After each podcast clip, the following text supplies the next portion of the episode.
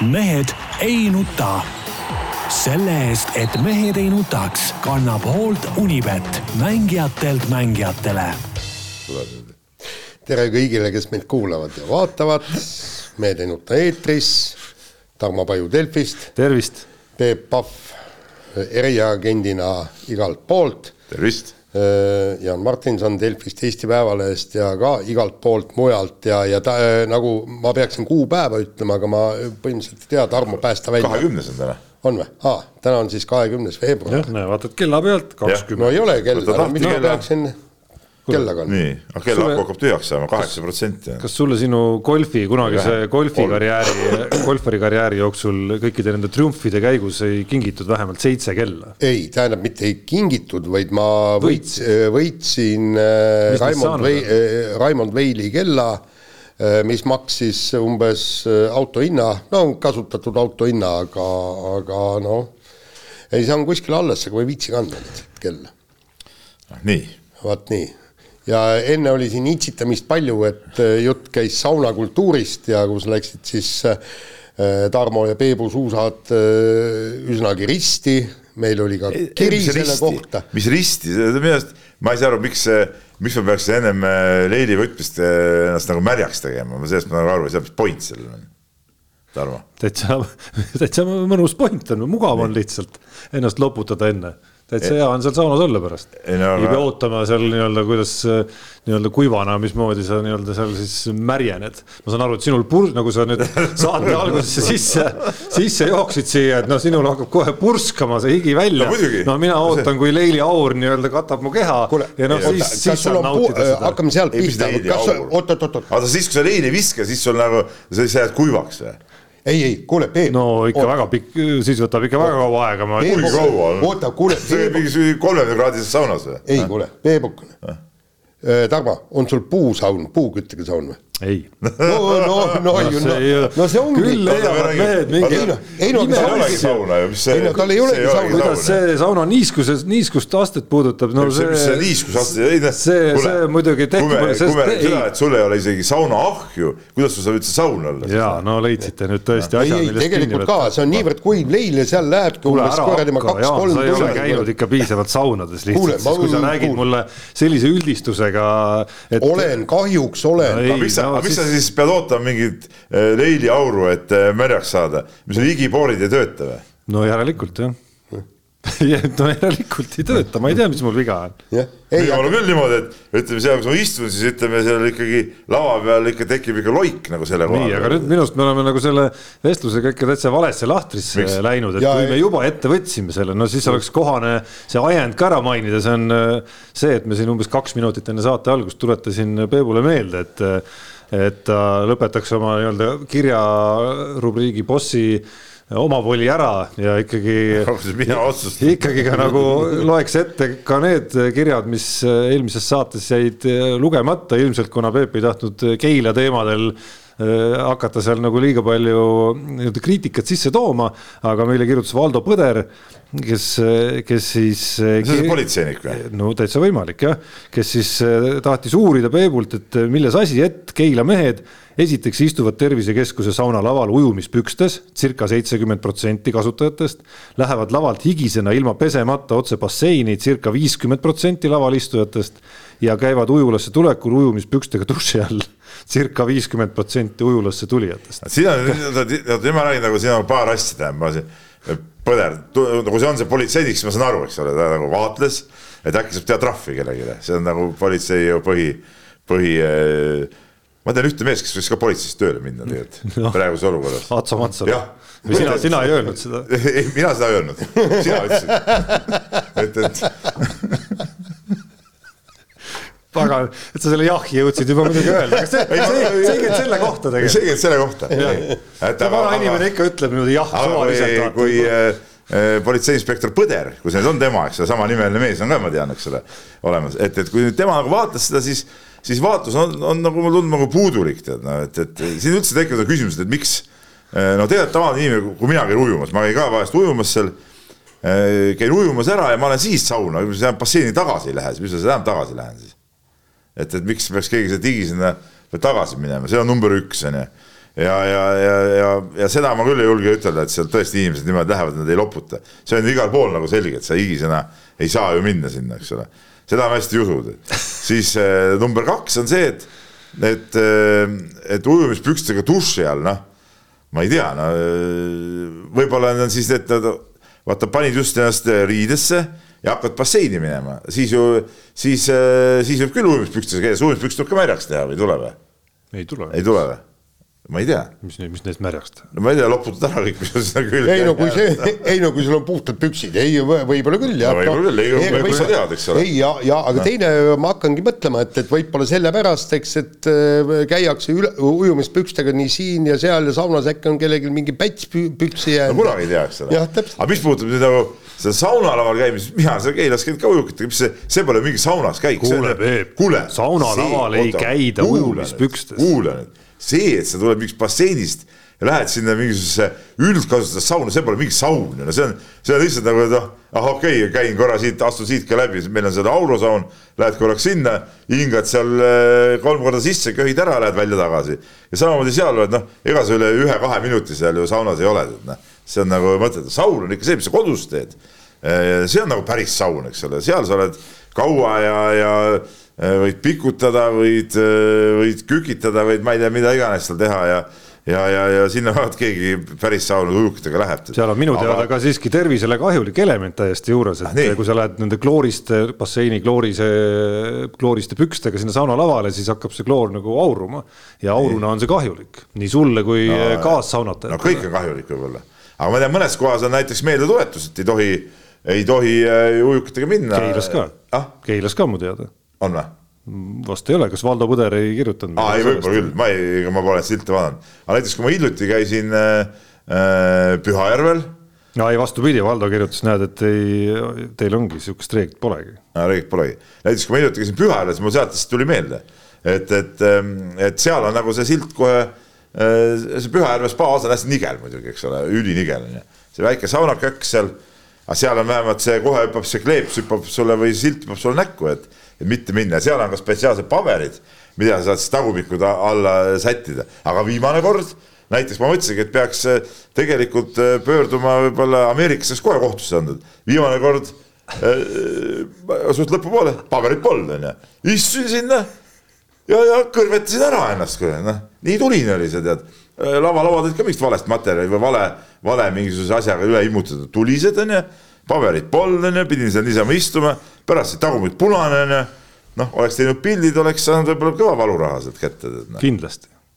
ja Ameerikas oleks vähemalt paar-kolm miljonit kindlasti. jah ja. et, et, et selle võib veel ette võtta, see on kindlasti tagasiulatuva jõuga siin, siin pole kuut aegagi veel möödas, et, et saab seda teha veel aga vot huvitav jah, kas Valdo on seesama Valdo, keda me mõtleme, sest lõppu on ta ikkagi pannud nagu sellise omakohtu üleskutse lausa siia, et all pesuruumis võiks olla üks kõva käega koristajamutt, kes igale sellisele töllakale märja põranda katsuga üle küüru annab käisin... ja nad elementaarseid hügieenireegleid järgima paneks. vanasti, kui ma käisin seal äh, noore poisina, äh, meil omal ei olnud äh, kodus siis sauna, sõitsin rongiga siis Keilasse sauna. Ja seal oli see linnasaun oli seal raudtee ülesõidu kõrval ja see oli, see oli muidugi legendaarne koht, seal alati ühed samad vanamehed olid, kes seal laval kõige kõrgemal istusid ja vihtlesid ja seal õlut jõid ja mingeid roppe nalju tegid. aga siis muidugi üks legendaarne oli muidugi alati ka mingisugune mutt, kes mööda seda pesuruumi, seal nii, et võtsid kausitäie vett, istusid pingi peale ja siis matšalkaga ennast nühkisid, pärast käisid korraks dušel, lasid siis selle vee peale, seal käis seal, kogu aeg käis mingi mutt seal ringi küll koristas seal kappe, küll kappide vahel, küll käis seal pesuruumis korrastamas, tead et see, see võis märjalapi küüru panna küll, kui sa kuskil valesti olid. no siiamaani ma ei ole küll ammu sattunud, aga kui, kui ma siin. sa oled ükskord saanud veel olemas. no, selles mõttes, et äh, noh, kasvõi spordiklubi saun, no ma ei, ma ei tea, MyFitness näiteks, siis äh,. MyFitness ütleme... naised ainult. mis asja? mehed käivad ka või? ah, ole nüüd normaalne. ei, kas see ei ole see mingi naisteklubi, kus võimeldakse. ei, ei sa ajad sassi praegu, see on ju kõige suurem ah. spordiklubide võrgustik üldse, jõusaalide ja mis iganes kõik okay. võimalused seal on.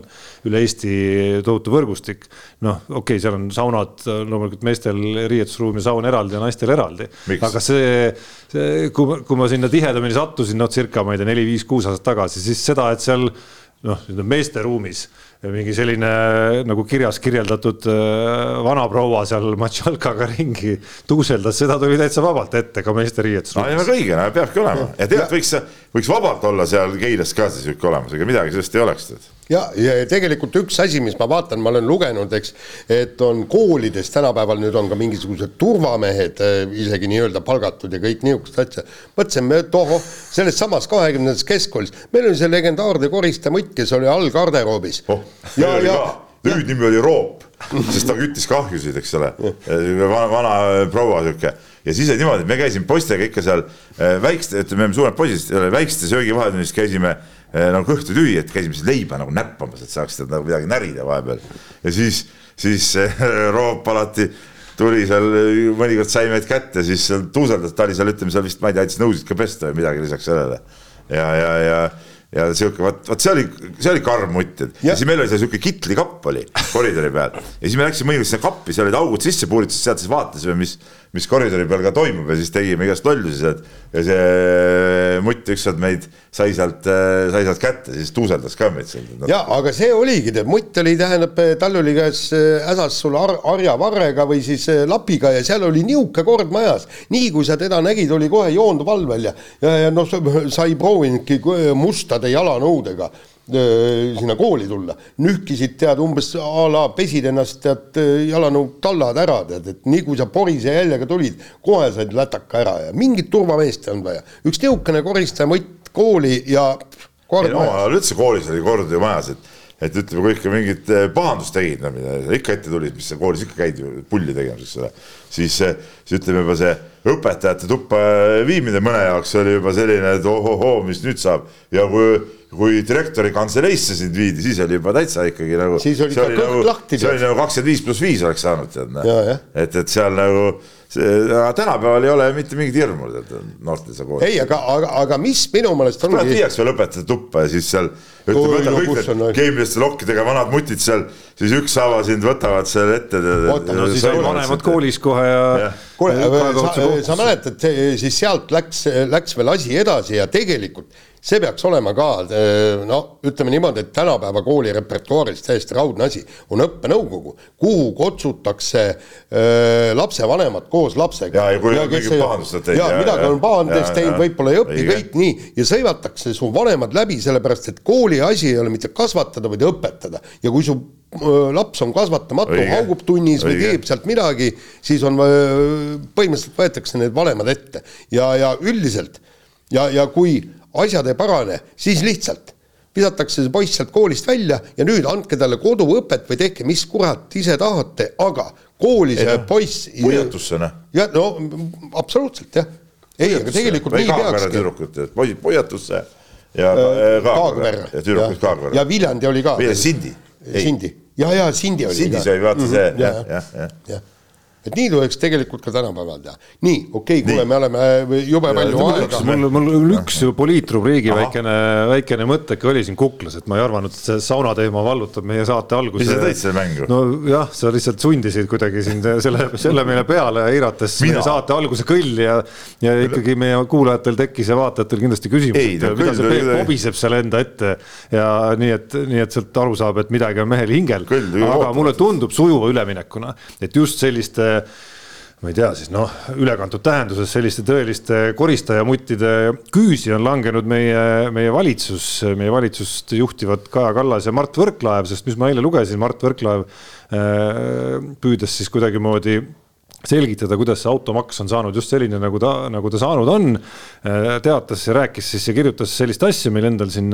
Päevalehe arvamusveebis, et, et tegelikult meie noh, ehk siis valitsus või Reformierakond või kes iganes, Mart Võrklaev ja Kaja Kallas, tahtsime madalamat maksumäära, aga tagasisides nõuti jõulisemat keskkonnamõju, ehk siis kuskil äh, ma saan aru, siis äh, juhivad meie riiki tegelikult nii-öelda siis nagu need tagasisidestajad. ei, kuule, äh, tuleb praegu, ei, tuleb kohe praegu meelde Brežnevi aeg, mäletad, kui hinnad tõusid? Ja see oli see, mäletad, kui see viina hind äh, tõusis, võib-olla sa ei mäleta, mina mäletan, eks seal ta tõusis kolm, kolm kuuekümne kahe ja nelja kaheteistkümne peale. nii, ja siis oli lehes suured pealkirjad, et töörahva palaval nõudmisel tõsteti, tõsteti paljude toiduainete ja kaupade hindu ja sinna käis ka siis äh, viin sisse, et töörahvas nõudis, et meie ei taha nagu neid hindu tas-, tõsta, aga töörahvas üle Nõukogude Liidu ja siis oligi seal tehasetöölised ütlesidki, Jaa, et et jaa, et, et viina hind on äh, natuke madal, et, et, et ma arvan, et no riigile oleks kasulikum, kui see hind oleks, hind oleks kallim ja, ja kõik, kõik täpselt niimoodi on. ja siin oli ka noh. ja ei no kaks varianti, kas nii nagu sina räägid mm -hmm. või siis või noh, või, või siis lihtsalt tulid nii-öelda koristaja muti stiilis tuldi ja lajatati selle lapiga lihtsalt Võrklaeval kuskil nii-öelda üle küüru ja noh, tal ei jäänud muud üle lihtsalt noh, midagi ei ole teha. eks see Võrklaeva elu ongi raske, olgem ausad no mis sa teed, võib-olla sidusid kinni veel kuskile tooli külge ja siis seal selle meil on ka siis saate ajaloos on see ei, märk Alts on läbi käinud et.... ei, aga, aga ikka mina tegelikult arvan see, et, et kõik need talumehed, külamehed, metsamehed, kõik, kes igalt poolt on ju, eks noh, nõudsid ka kõrgemat automaksu, sellepärast et paremini loodust säästa ja, ja, ja, ja neile Võrklaevale, Kaja Kallasele tuli nii palju kirju, et ummistasid nende arvutid ära ja kõik, kõik muud, et no, no tõesti ei saa ju, kui, kui Eesti rahvas nõuab suuremat automaksu, no siis tuleb ju Eesti rahvale vastu tulla. ja ei no braavo, no oleme tänulikud. ja, ja ei, absoluutselt. nii, kuule, lähme spordimanu. kuule, lähme spordimanu ja, ja alustame mõistagi laskesuusatamisest, kuigi noh, medalit ei tulnud, eks Tuuli Toomingas eelmise aasta kuuendat kohta ei, ei korranud ega pa, äh, parandanud. kuidas ei parandanud, neljas koht? ei, ei, ma mõtlen individuaaldistantsil, aga tõesti, mis, mis tõsist kiitust vääris ja samas ei väärinud ka, oli see, et, et Eesti äh, naiskond sai kenasti neljanda koha, me, me just rääkisime, kas on võimalik kaheksa sisse murda, et EOK toetusel pääseda, suudeti äh, neljandaks ennast sõita, aga noh, kui sul on pronksi lõhna tunda, siis võiks ju noh, küsime Kaido Kaabermaalt, kas neljas koht on hea või jama, eks ju. nii, aga äh, samas ka äh, Riina Ermits ja, ja Kristo Siimer tegid ka oma elusõidud, et, et äh, tegelikult oli väge, vägev mm ja, ja siit ongi mul nüüd küsimus, kas nii hakkabki olema, kas see oli üks väike Putini välgatus? Kuigi noh, nagu ma saan aru, et Tuuli Tomingus on ka enne sõitnud häid tulemusi ja kõik, et aga, aga Ernits ja, ja Siimer kindlasti tegid elusõidu seal no eriti tegi, kui me sõidust räägime, siis eriti tegi elusõite seal kahtlemata Regina Ermits, et ma eile õhtul veel vaatasin Biathlon Worldi sealt nii-öelda andmete alajaotusest korra üle, seal on sellised nii lamadest kui püstilaskmise erinevate hooaegade kõverad ja siis, ja siis sõiduvormi kõver ka veel, et ka suhtena siis sellesse kaotusele kiiremale sõitjale. et noh, siis, siis see post, mis sealt vaatas vastu Regina Ermitsa graafikust, noh, see oli ikkagi noh, päris pöörane ausalt öeldes, et, et, et mis puudutab näiteks Kristo Siimerit, siis, siis Kristo Siimer tegelikult sellel MM-il ei sõitnud üldse oma elu parimas suusavormis isegi või ei sõitnud oma elu kiiremat sõitu isegi. lihtsalt distants on selline, selline formaat, kus, kui sa, kui sa pihta lased, siis, siis sa oled noh, igal juhul kõrgel ja seal veel toetasid kindlasti mõne koha jagu, ma arvan, niisugune vähemalt viie koha jagu toetas ka see konkreetne olustik, mis seal selles, selles sõidus siis aset leidis, kus ju viimase ringi ringiga veel seal mõned norralased jäid selja taha ja, ja selgelt olid kas motivatsiooni kaotanud või ei olnud libisemist või mis iganes faktorid seal, seal nagu kaasa mängisid. et, et, et Regina Ermits on, on see, kes tegi seal ikkagi noh, midagi sellist, mida ma arvan, ei uskunud mitte ükski asjaosaline isegi. Tuuli Toomingas on noh, enam-vähem sellistel sõidukohtadel sõitnud noh, korduvalt tegelikult ka varem, mitte küll päris stabiilselt, aga, aga juba mitmel MK-etapil. tõsi, see kõver näitas, et, et ka, et kui sa arvestad kaotust siis kiiremale sõitjale, siis, siis ka tema tegi seal oma, oma parimad sõidud. ja, ja, ja noh, muus osas noh, Suusan Külm, Johanna Talijärv, me ei saa öelda, et keegi oleks nagu liiga palju ületanud ennast, et, et, et noh, Johanna Talijärv oligi sellises staatuses, kus, kus väga raske oleks olnud oodata talt mingisugust veel, veel kiiremat minekut. no ja ta pidas seal lihtsalt selle otsustava teatevahetusest hästi, hästi vastu, eks ole, et, et see oli nagu enam. noh, ta pidas vastu, et hoida ära neljas koht, et, et ainus, ainus konks, miks me saame rääkida, miks Jaan saab siin mainida seda Kaabermaa neljas koht on jama ja, ja seda õhata seda ja, me, me ise saame ka siin õhata, et pagan, et see, see pronks tegelikult oli ju ajalooliselt lähedal jälle, et üks, üks lask see neljas lask maha ja viies lask ja. maha ja oleks esimesena tiirust läinud ja võib-olla oleks ta suutnud selle ära hoida, et noh, kas circa kakskümmend, kolmkümmend sekki paremat sõiduvormi, milleks oleks olnud vaja Johanna Talijärmal kindlasti hoopis teistsugust ettevalmistust ja teistsugust hooaja käiku ja tervise püsimist või siis jah, tõesti lasketiirus paremat õnnestumist. aga see ainus põhjus, miks me sellest nagu saame üldse rääkida, et pagan, et kahju, et see kolmas koht siis ei tulnud, on see, et see skript ja see stsenaarium jooksis selles sõidus siis nagu niipidi, et oleks nad sõitnud seal neljanda, viienda, kuuenda, seitsmenda koha peal ja lõpuks sealt neljandaks kerkinud, siis me isegi oh, nagu, siis me isegi nagu ei räägi sellest. aga jah, teisest küljest muidugi saab, mina vähemalt mõtlesin sellele, et mine sa tea, millal niisugune šanss nagu uuesti tekib, et seal peab omajagu asju kokku klappima, et sa, et sa üldse oled selles positsioonis, kus paar lasku ja, ja on viimase ringi otsustada, kas sa saad medali või mitte. siin on kaks asja, huvitav ongi see, et et, et nad ise väga palju sellest ütleme, pronksita jäämist nagu ei, sellest ei rääkinud nagu üldse. no aga ülekandes, äh, olgem ausad, ei nagu üldse ei tahetud puudutada. ei tahetud üldse puudutada, et, et, et äh, jah, et, et okei okay,, ma saan aru, et neljas koht ülikõva, ülikõva, mul midagi ei ole ütelda, aga, aga mina vaatasin ka nagu ütleme ikkagi, et, et noh, mäng käis ju pronksi peale, eks ole, et, et et, et seda ei, ei suudetud võtta, aga, aga seal neljanda hoidis ära, et see on nagu hästi, aga no see on nagu väike asi, kui me räägime, tuleme tagasi Regina Ermitsa juurde, siis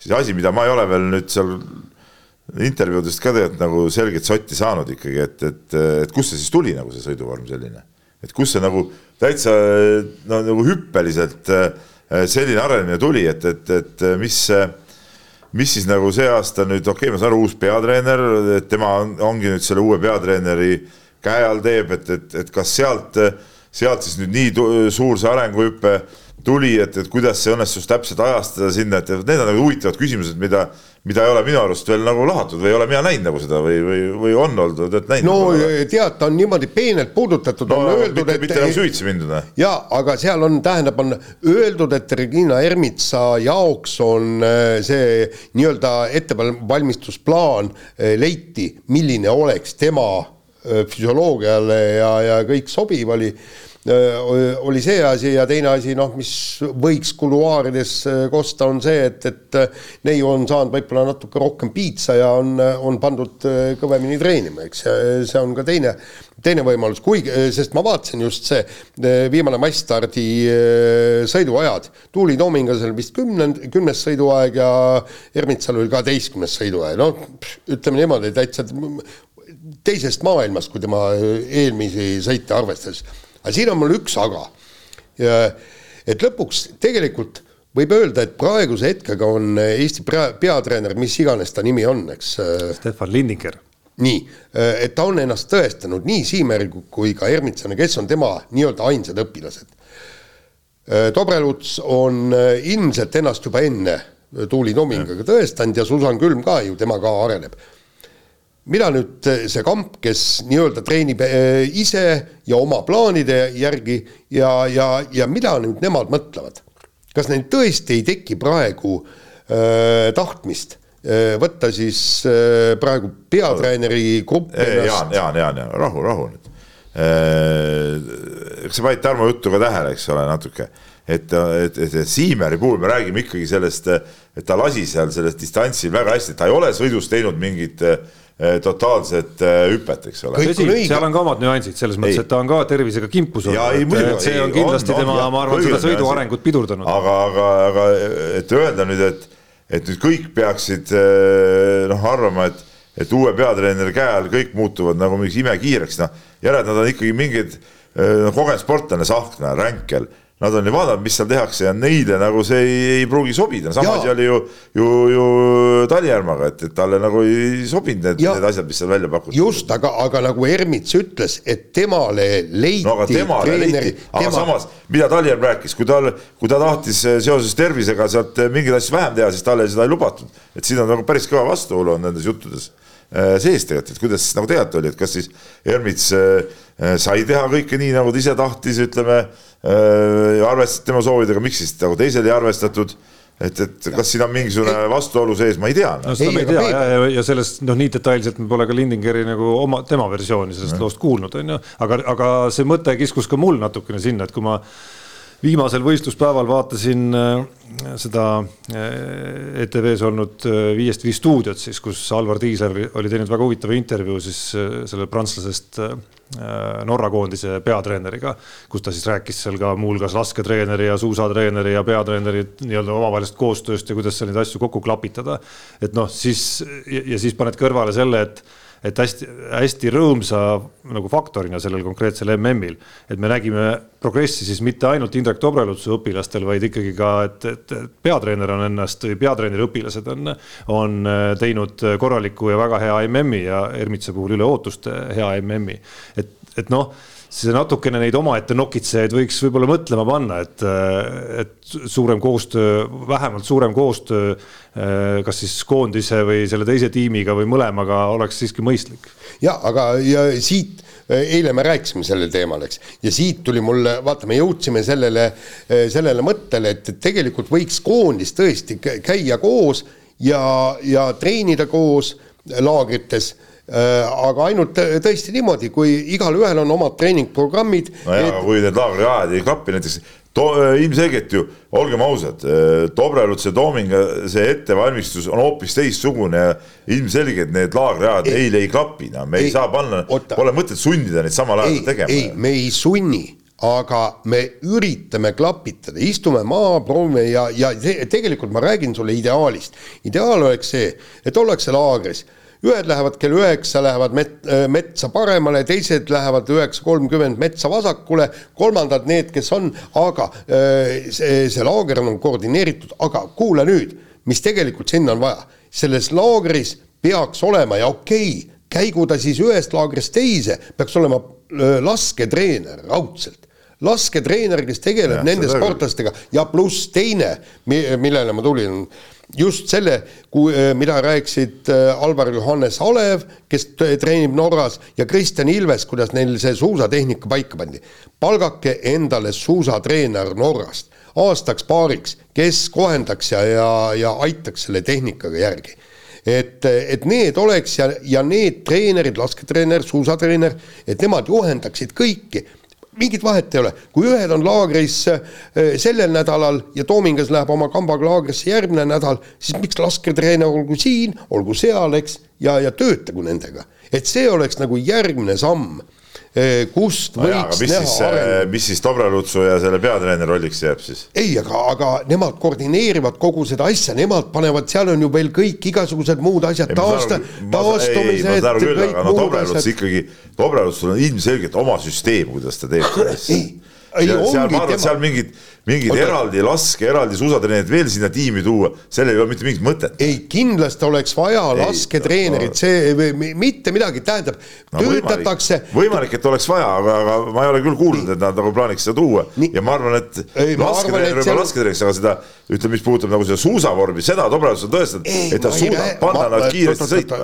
oot-oot-oot, ma ei räägi. jaa, ma rääkisin, kes tehnikatreener, suusatehnika-treener, kes, kes vaatab nüansse ja üritab asju kohendada koostöös Dobrelutsu ja siis Eesti koondise peatreeneriga sellepärast, et nii kui me kuulsime, ükstapuha kõik, kes need seal kuradi Norras treenivad, kõik nad on öelnud, et suusatehnikaga ollakse jännis.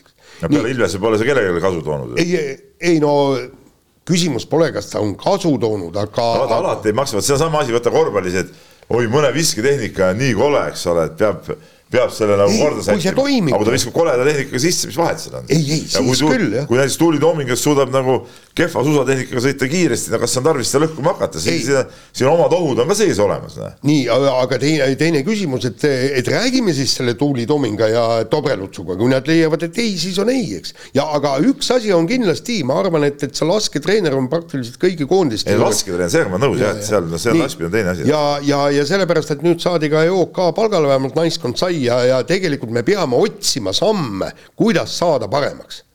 kuidas saada paremaks, kõike laskmist, vaata, mis on laskeajad see on täitsa no, kohutav. et kui, et kui nüüd võtta, et kui võtta nüüd see ühist, näiteks see, see lõpu ühistart ja noh, ilmselgelt kõikidel, kes äh, Tuuli Toominga või Regina Ermitsa kombel olid siis seal esikümne mängus juba ja see maitse on suus, noh selgelt, et järgmine kord seitsmeteistkümnendat kohta saades enam sellist hurraad ei ole. Ja, ja selgelt hing ihkab, Tuuli on olnud ka kuues äh, maailmameistrivõistlustel, et noh, selgelt hing ihkab poodiumile ja, ja, ja, ja seda, et vähemalt korra karjääri jooksul selline Rastor Kujevsi äh, pühapäevase kordamineku laadne nii-öelda nagu õnnestumine siis karjääris kindlasti õnnestuks ka kuidagimoodi kätte saada et siis, siis kust, kust, kust nüüd hakata neid sekundeid otsima, siis mõnes mõttes see ühistart pühapäeval oli ju, oli noh, ideaalne, mustvalgel on võimalik täpselt sealt äh, võistlusprotokolli analüüsi versioonist järele vaadata, et kuhu siis sekundid kadusid. et noh, esimene on seesama laskmiskiirus siis mida tuleb kiiremaks saada, et isegi kui äh, Tuuli Toomingas kolmekümnenda laskmiskiiruse asemel oleks kahekümnenda laskmiskiirusega olnud, siis, siis see tähendaks kahe, kahtekümmet sekundit juba. ja kahekümnendana sa oled veel ikkagi nagu noh, ütleme alla keskmise natukene sealt kolmekümne hulgast ehk siis kakskümmend sekundit juba sealt. ja noh, teine on kasvõi seesama, äh, et kui sa stabiilsemalt sõidad nendel kohtadel, siis on sul ka stardikoht parem, et seesama lõõts, mis seal tekib ühistardis, tekitab sulle põhimõtteliselt juba circa antud juhul mingi kaheksateistkümne sekundilise kaotuse esimesse tiiru jõudes juba äh, oled sa nagu maas, et isegi kui sa nulliga lased, ei ole sa tegelikult liidrite pundis. ehk siis nagu noh, sealt detailidest on juba, mis ta siis on, kolmkümmend kaheksa sekundit teoreetiliselt on võimalik, äh, ma ei ütle, et nagu maast leida, aga ikkagi suhteliselt lihtsalt vaatab vastu juba. igatahes on see seis muidugi uskumatult ägedalt intrigeeriv, et mulle natuke meenus, meenus seda MM-i suhteliselt suure emotsiooni ja huviga jälgides natukene selline võistlus nagu Nagano olümpia ausalt öeldes ja see äh, klassikasõit, kus äh, Maa ja Veerpalu siis kahekesi esikaheksasse sõitsid. Äh, et kus siis seni oli kulgetud natukene sellises noh, ka ikkagi oli, oli selline olümpiaturistide jutt käis seal ikka aeg-ajalt, kui olümpiate aeg oli käes ja rõõmustati, kui kahekümne, kuskil kolmekümne hulka saadi, siis oli juba suur saavutus ja nii edasi ja nii edasi. ja siis äkitselt tuli see Nagano olümpia, see üks konkreetne võistlus. ja siis äkitselt nagu kõik avalikkus sai aru, et oot-oot-oot, siin, siin, siin võib nagu midagi ägedat peituda ja, ja siit võib mingi äge lugu nagu okei okay,, sellel lool lõpuks hilisemas faasis on olnud ka mustemad värvid, aga, aga see selleks, et, et tol hetkel oli see nagu selline äh, noh, äratus kõigile, ma arvan, et see oli see koht, kus Mati Alaver sai minna, hakata sponsorite juurde minema ja hoopis teise jutuga sinna sponsorite juurde minema, kui ta võib-olla seni oli käinud. kuigi võib-olla oli ta seni ka juba ikkagi nende kohti arvestades suhteliselt tubli selle tiimi ja võimaluste kokkupanekul, aga noh, sealt ikkagi maailm muutus natukene ja ma arvan, et siin laskesuusas noh, ma arvan, et paljudel või enamikel aladel siin Eestis on põhjust kadestada praegu seda šanssi ja võimalust, mis, mis laskesuusajuhtidel on käes praegu minna, minnes kasvõi sponsorite juurde ja, ja seda noh, potentsiaaligi, mis siis sellesama laskesuusa, kasvõi sellesamal nelikul tegelikult on, kui nüüd kaheks aastaks on teatud finantsiline stabiilsus kõigil siin olemas, et ei pea ka ütleme siis selline omaette nokitsevam Johanna Talihärm liiga palju, noh, see üksinda ei kata nüüd kõik ära, aga ei pea nüüd liiga palju muretsema konkreetselt hakkama saamise pärast. et noh, nii, nii Tuuli Toomingas tema ambitsioon on kõrgem kui see, kus ta praegu on. Regina Ermits, noh nüüd nagu küll näitas esimest korda üldse sellist äh, taset väga huvitav saab olema näha, milline nüüd edasi äh, saab tulevik välja nägema. Susan Külm minu arusaamise järgi on võib-olla mingitelt eeldustelt isegi sellest seltskonnast võib-olla looduse poolest üldse kõige andekam, vähemalt nii on mulle paar laskesuusainimest rääkinud äh, ja kui Johanna Talihärm on ka saanud mingi kindluse alla sinna, siis, siis see nelik võiks siin noh, sellele samale olümpiale mõeldes noh, seada ikkagi väga korralikku sihti. ja esimene asi võiks olla see, et nüüd, kui sel hooajal vist on mingi üks-kaks teadet on veel jäänud, eks ole, ka näiteks kui me vaatame nagu seda teatesõidu pooltki, et suudetakse seal, seal hoida seda taset, et vähemalt ma ei tea, no esikuuikusse või esikaheksasse ennast nagu stabiilselt ära kinnistada, et see üks, üks edu on muidugi vägev, aga, aga, aga tegelikult ikkagi lõpuks spordis loeb see ka, et kas sa nagu suudad, suudad seda stabiilselt teha või see on üks väga kõikide õnnestunud asjaolude kokku, kokkulangevus, et, et, et loodetavasti, loodetavasti suudad seda taset nüüd ka hoida. ja, ja, ja Tarmo, just see eh, Nagano eh, kõrged kohad, sealt ju mindigi edasi just sellega, et, et parandati ja loodi kõiki neid tingimusi, mille pealt siis see järgmised elud tuli kuni selleni, eks Magne Müürma palgati, eks Norra, no Norra määrdemees, eks tehke järgi palun. Nii, ja, ja, ja kõik need tingimused, suusapargid, värgid, särgid, et sealt tulebki nüüd vaadata, tähendab maha istuda, vaadata, kus kohas see areng toimub, see see areng ei pruugi eh, olla ainult see, et, et me treenime nüüd rohkem või midagi nihukest, eks just need lasketreener, parem määrdemehed, võib-olla parem suusapark. suusapark, mille osas ma olen aru saanud, et äh, Tuuri Tohmingal sel hooajal on omajagu muret olnud. Äh, et, et MM-il liiga palju ei olnud, aga hooaja lõikes on ikkagi olnud omajagu probleeme sellega. noh, ja ma ütlen, see annabki kõik see, kõik selle elu. Nendel on ju tegelikult ju selle Matsusega või kellega ta on, Tomingal ja, ja Kümmalu leping. aga vähemalt mina olen aru saanud, et Matsusil on omakorda floorivabal ajastul natukene nagu raskusi rohkem kui võib-olla mõnel muul suusamargil. ja aga no vot see. tipptasemel vähemalt. ei no seal, seal on ka paljuski see kinni, et millised suusad sa saad ja ikkagi Tuuli Toomingas on see, kes läheb umbes no loodame, et teises järjekorras suuski valima, ehk siis esi, esialgu lähevad kõik suured staarid, võtavad neile sobilikud ja parimad paarid ära ja siis järgmine, järgmine ja, ja need viimased, need lähevad ju sisuliselt, neile antakse poesuusad, et vaadake nendega ise, mis hakkab. et ma ütlen, pisiasjadesse on asi kinni ja ma arvan, et siit hakkab nüüd äh, väga vägev ja jõuline laskesuusatõus. no tõsi, ma arvan, et Peebu manitsus oli kohane siin praegu, et tõesti no ei maksa nüüd liiga hurraast ka ära kanda ennast, et, et siin on noh, eriti näiteks Regina Ermituse puhul on nüüd küsimus, et mis tasemel ta stabiilsuse leiab. et, et noh, Tuuli Toomingas on siin kasvõi sõidukiirusel neid sõidukiiruse kohti siin mitmel MK-etapil hooaja jooksul juba näidanud, aga Regina Ermits varem ei ole. et, et kuhu, kus see stabiilne tase hakkab nüüd siis pesitsema, see saab olema huvitav näha siin kevade jooksul. nii, aga vahetame teemat. Oleme talvistel radadel tõsi, põrinate juures ehk et Rootsi ralli on läbi, Ott Tänakul pehmelt öeldes läks aia taha uus punktisüsteem natukene tasandas võib-olla punkti kadu, aga, aga noh, suures plaanis ikkagi mitte. ehk siis, kas äh, on meil siin juba väike kriisiolukord käsil? no ma ei, ei, ma ei niimoodi ei ütleks seda, et mis kriisiolukord, no see on nagu ilmselgelt üle üle pingutatud. no nagu ta ise ütles, olen liiga või olen või oleme liiga palju eksinud siin hooaja algul no,. ja, ja punkt ja punkt ja. kaks, ütleme päris palju punkte on Evansile ja Novillile ära antud. kokkuvõttes ta ju tunnistas ka, et seda oma sõiduviga oli see, mis ta sinna valli, valli viis ja, ja eks sinna see ralli läks, et kui seda poleks juhtunud, noh, oleks see kindlasti kõik see asi olnud, olnud palju, palju põnevam ja, ja, ja okei okay,, jah, ega, ega need kiiruskatsete ajad nüüd ei olnud sellised, et ta oleks seal valitsenud küll aga ta noppis sealt ka ju, ju, ju võite ja oli seal eesotsas ka, et, et tegelikult noh, ei saa ütelda, et nad olid nagu väga kehvad, seda ei saa nagu ütelda, aga selge see, et see, et see sõiduviga ja see ühe päeva katkestamine võttis nagu motivatsiooni ka ära näiteks sealsamalt äh, laupäevaselt päevalt, no pühapäev on teine asi, eks ole, siis on, siis on see eraldi punktide peale sõit, aga, aga siis oli stardikoht selline, mis väga väga ei võimaldanud väga häid tulemusi teha.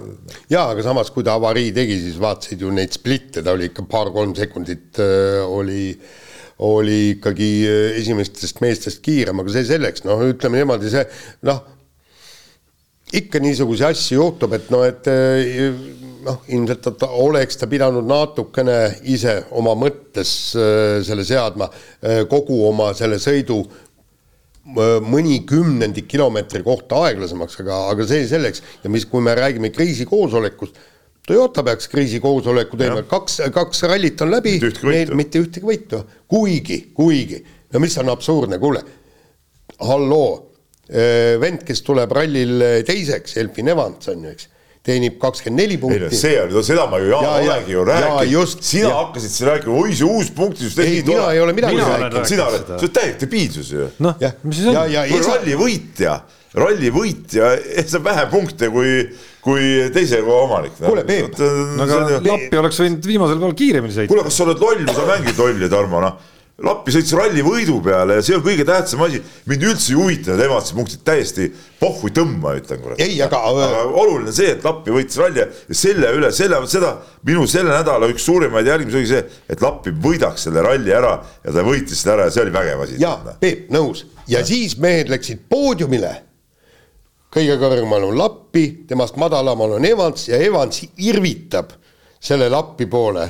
näe, debiilik võitsid ralli küll ära, aga mul on kakskümmend neli punkti, sul on üheksateist punkti. see on, no seal on muidugi see nüanss. see näitabki ära, et seda, seda niimoodi ei saa jätkata. seal on see nüanss antud juhul siiski, et äh, Lappit äh, liiga palju need punktid ju ei huvita. nõus no., nõus. aga, aga tiimi huvitab, oota, Hyundai'd huvitab. kui Ott Tänak või Terrine Vill oleks tema rollis olnud, siis nad ilmselgelt oleks pingutanud viimasel päeval ka viimase päeva pärast rohkem, eks. pluss jah, mind natuke üllataski, et Lappi tiimile mõeldes oleks võinud võib-olla ka natuke gaasi anda. sest talle oli tähtis mitte eksida ja võtta see ralli võit, see oli asi point. Noh.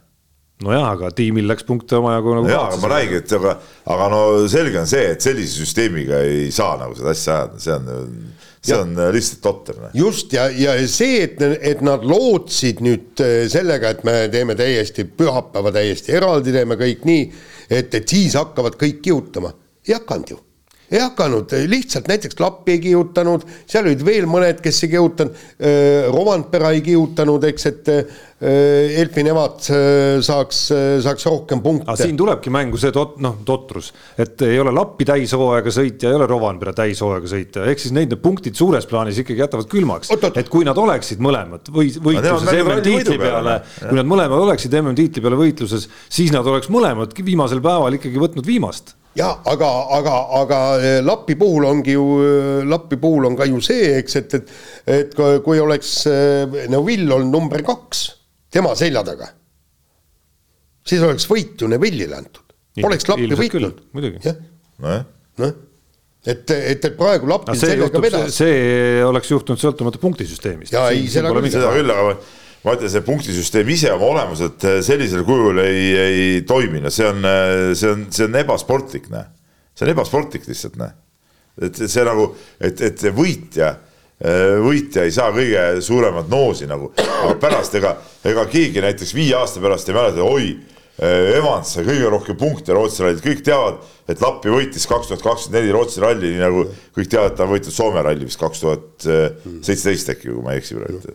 sest enne oli sellega punktikatsega, eks teine koht sai see ja, ja ilmselt väga selgelt, et miks teine koht sai kaheksateist punkti, on see, et, et kui ta võidab ära punktikatse ja, ja nii-öelda rallivõitja ei saa punktikatselt ühtegi punkti ikkagi äh, rallivõitja. mul jääb midagi selle vastu, et viimasel päeval antakse mingeid eraldi punkte, see kõik on äge aga see punktisüsteem on nii, et, et nad ei saa sellest ralli, et see ralli võidupunktid peavad olema ikkagi ralli võidu järgi ja, ja viimane päev lihtsalt seal eraldi juures, eh, ilma et ta saaks minna mööda sellest, noh no. et seal on mingid lisapunktid, noh. see oleks nagu, nagu normaalne. oota, aga, oota, aga tuleme nüüd korra tagasi ikkagi, kas no. Ott Tänak selle vähese aja jooksul, mis ta jõudis sõita nagu päriselt sellel rallil jõudis siis midagi näidata ka, okei okay,, talveralli ei, ei ole taaskord selline, mida saab teisendada siis igale poole mujale, aga kas, kas ta jõudis enda ja Hyundai võimekusest midagi üldse märku anda?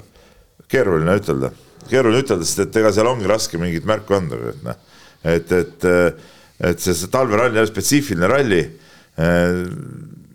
Ma arvan, et peame ootama veel, andma aega, no siin ei ole mõtet mingeid põhjapanevaid järeldusi praegu teha, no ei ole lihtsalt mõtet, noh.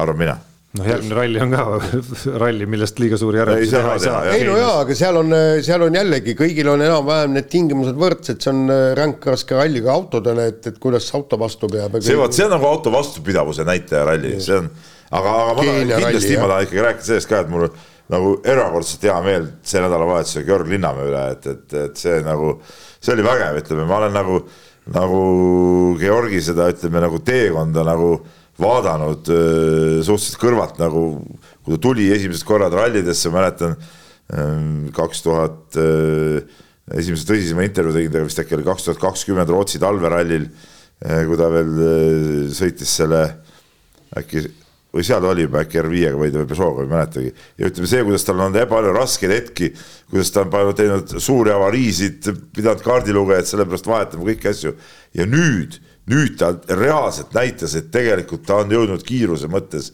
absoluutselt uuele tasemele, noh. et, et see äh, ütleme, varasematel hooaegadel no ei saanud nagu loota, et ta sõidaks, ma ei tea, kiiruskatsel paneks Solbergitele ja, ja vendadele seal ära, aga aga siin ta pani ja, ja, ja suutis seda hoida ja suutis seejuures auto teel ka hoida, et see oli, see oli vägev värk, tead noh, see oli, see oli selle, selle ralli minu jaoks ka üks kõvemaid elamusi igal juhul, tead noh. ja, ja praegu on see hea, et ta sai lõpuks oma poodiumi kätte ja ütleme niimoodi, kui tal oleks mõni poodiumi koht juba äh, olnud enne võidetud, eks see ei oleks olnud esmakordne, siis ta ilmselt oleks ka teise koha peale võitlema hakanud äh, ja, ja ei ta praegu võitleski, no tead, see võitis küll. No, ja- see, mis lõpus kaks koma viis või kaks koma neli sekundit jäi, seal oli võitlust küll, noh. et, et sedasi ütelda, et ta selle niisama oleks ära andnud, et, et, et selles suhtes ta pani ikkagi nende ja, ja kõik need soomlased ju ikkagi talverallis petsid ka, okei okay,, Linnamäe ise, kes sõitis ka õnneks nagu alla, kindlasti oli tal sellest kasu ka, aga aga, aga ta võitles küll ja, ja see, see oli vägev asi, noh. jah, aga, aga mulle jälle ka avaldas muljet see Roomet Jürgenson, kes on nii-öelda äh, e-ralli pealt tulnud no jaa, aga ütleme, ta sõitis juba eelmine aasta ka ja ütleme seal juunioride tasemel äh, ütleme neid siukseid poodiumikohti meil on olnud äh, omajagu, eks ole, aga kõva, selles suhtes muidugi kõva, et tal nagu esimene nagu sellel tasemel tõsiseltvõetav ralli, okei okay,, ta on siin Rally Estonial kuskil vist ta veel käis MM-rallidel osales, aga nüüd ikkagi juuniori sarjas sa pead selles arvestuses sõitma, ka kõva asi, aga, aga aga see Linnamäe asi ikkagi oli nagu, ütleme, kui me peame võrdlusse panema, siis Linnamäe asi ikka kaalus selle kõvasti üle praegu. ja aga, aga tegelikult eks nüüd see, see aasta ja eelkõige ka ilmselt järgmine aasta näitab, et kas see Jürgenson on reaalne vend, kes, kes võiks kuhugi tõesti jõuda, sest üks, mis ja, Jaan, aga kuhu? kuhu sa jõuad? me, me ei kuhu? tea,, kuhu äh, Robert Virves jõudis? ei, ega, ega me ei tea. juunioride klassis ülikiire vend, väga kõik äge, võitis ära selle tiitli mm., sai selle äh, WRC kahes sõita hooaega ja nüüd jah, Peep, me ei tea, me ei oska selle ühe ralli põhjal. ei, muidugi ei oska, ma räägin sellest, et mm., et, et see nagu ei, et, et see perspektiiv, meil võivad olla ägedad kiired vennad, aga see perspektiiv kokkuvõttes mm. rallis on ju nukker No, kui sa vaatad. vaatame, vennad ei mida ma saagi ju kuhugi jõuda, no selles on see häda, noh.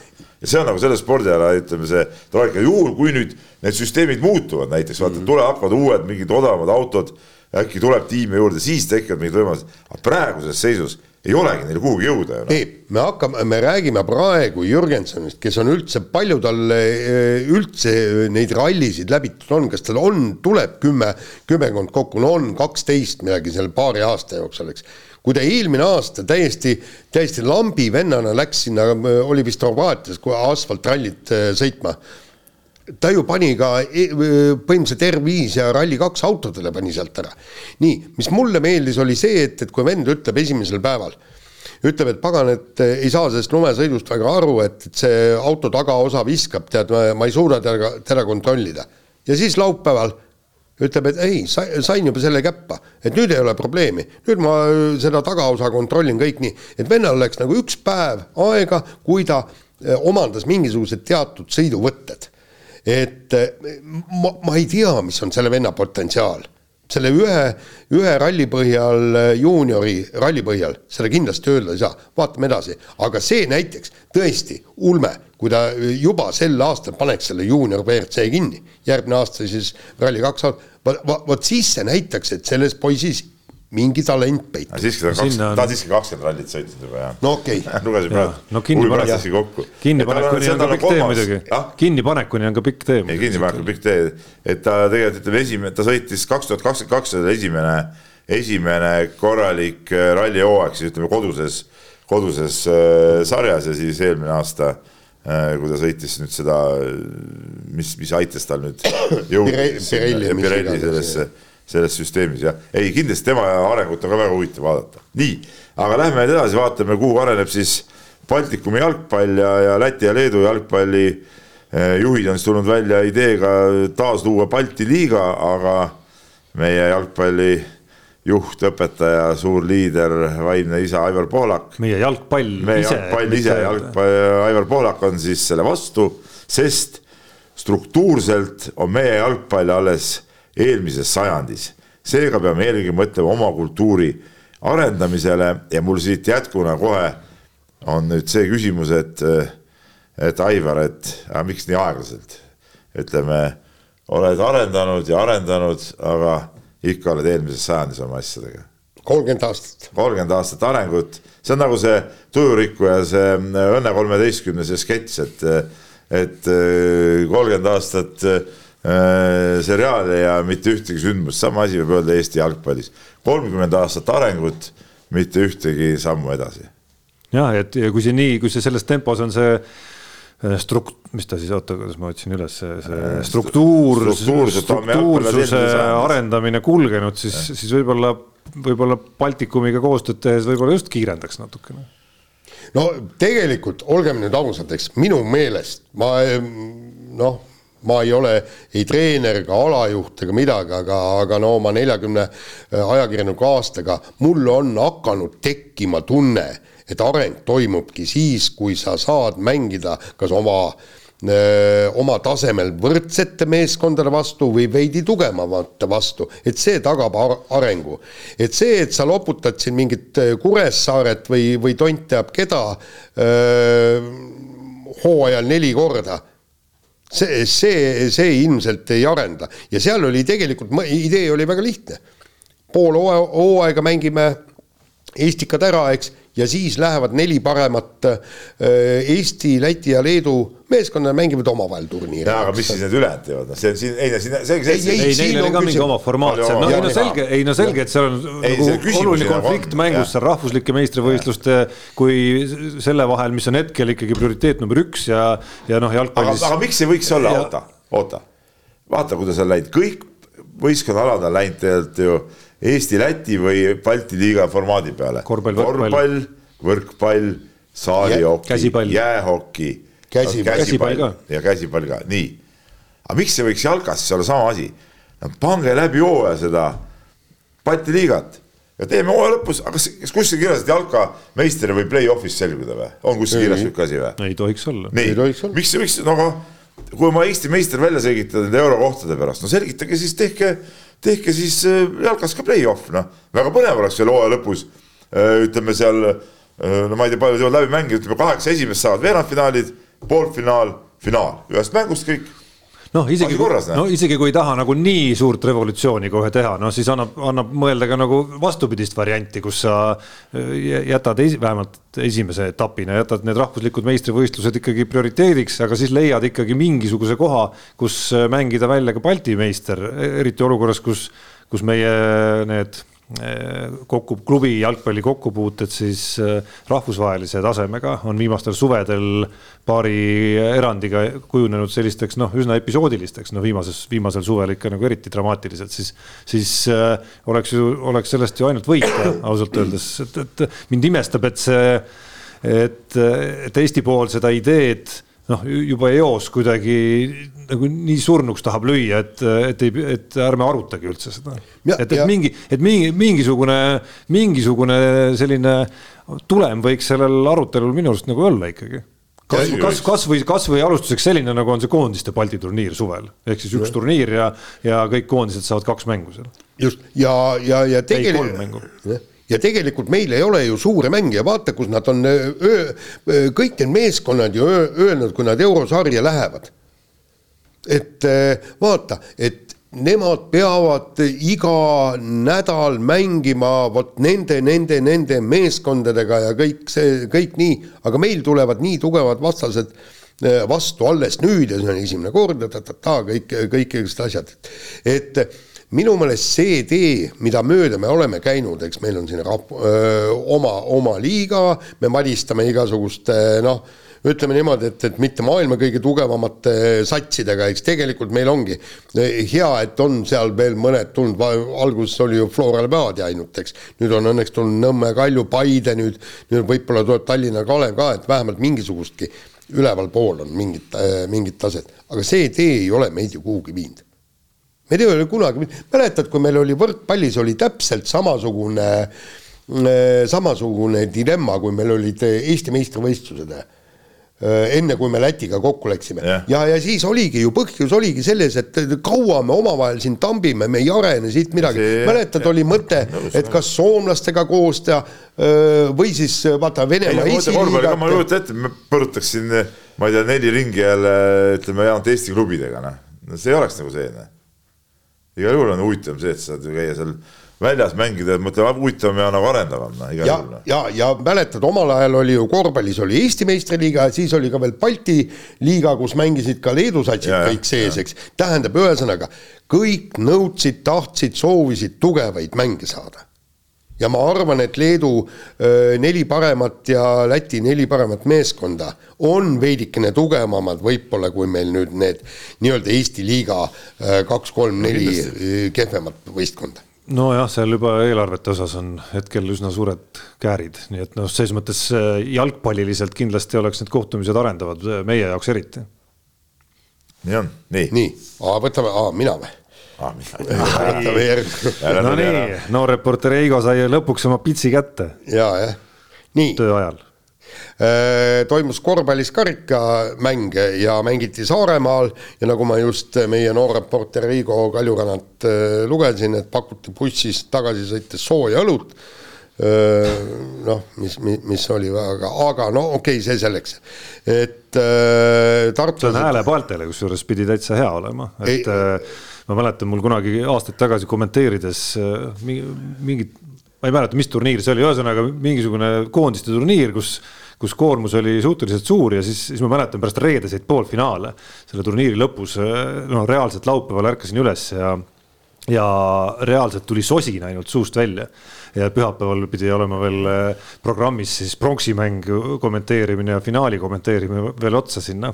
ja siis ma guugeldasin välja kõik, mis muusikud olid kuskil kirjutanud, mis nippidega nad oma häält on taastada üritanud ja Lemmitu siis Kuuse propageeris alati ja, ja, ja kusjuures ma olen ka loo teinud, et eh, huvitav, et otsingust ei tulnud välja minu Võimalik võimalik, et tuli see välja, ei no ma ei tea, mingi maitsenauding nüüd otseselt ei olnud. Kuristasid sellega toorest muna ma mäletan veel ajasin sisse ja, ja., ja lõpuks siis ma selle pronksi mängu tegi, ma mäletan Rauno üksi lõpuks. aga siis finaali ma ikkagi nagu kangutasin ära seal niimoodi, et poolajal veel panin ühe toore muna veel sisse ka, et läheks libedamalt. ja, ja tegelikult, kui see ei ole hea maitsega, siis järelikult üks eesmärk ehk siis maitseelamuse saamine langeb ära, siis võta kohe teine eesmärk, osta pokki niisugune kaheksa-üheksa kraadist on ju, siis vähemalt hakkab sarve, jutt läheb libedamaks, nagu öeldakse. jah, jah, hakkab sarve vähemalt, me mingiga kasu, nii, aga igal juhul no tartlased olid pahased, et nemad pidid nii kaugele äh, kui Saaremaale sõitma ja, ja noh.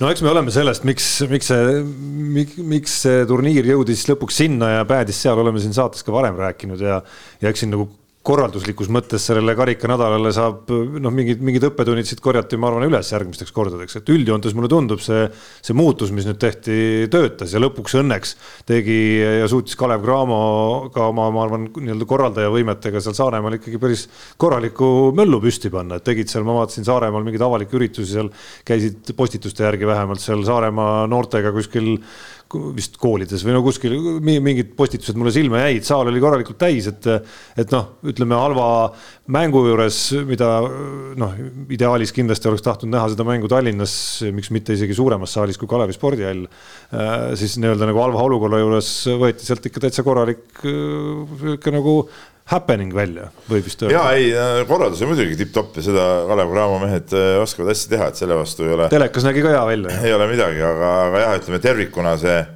ütleme noh, see ei olnud kokkuvõttes, see ei olnud nagu päris see, mis, mis pidi olema, aga noh, jah, nendest põhjustest me oleme rääkinud ka.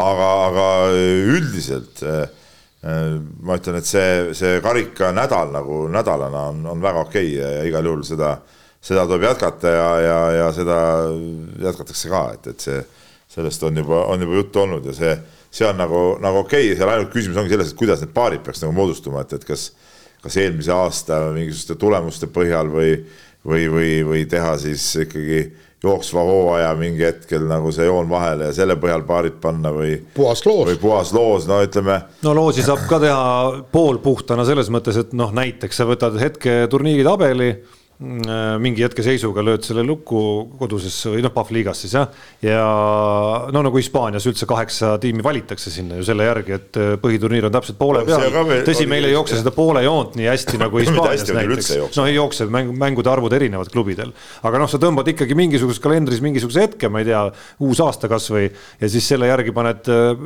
järjestuse paika, annad näiteks neljale esimesele, siis paned need neli esimest ühte potti, loosipotti, neli järgmist teise loosipotti ja siis joosid nad omavahel pimeda loosiga näiteks kokku tabelisse. aga no, miks ei näiteks... või olla puhas pime loos, kui lähevad Tartu ja Kalev esimeses.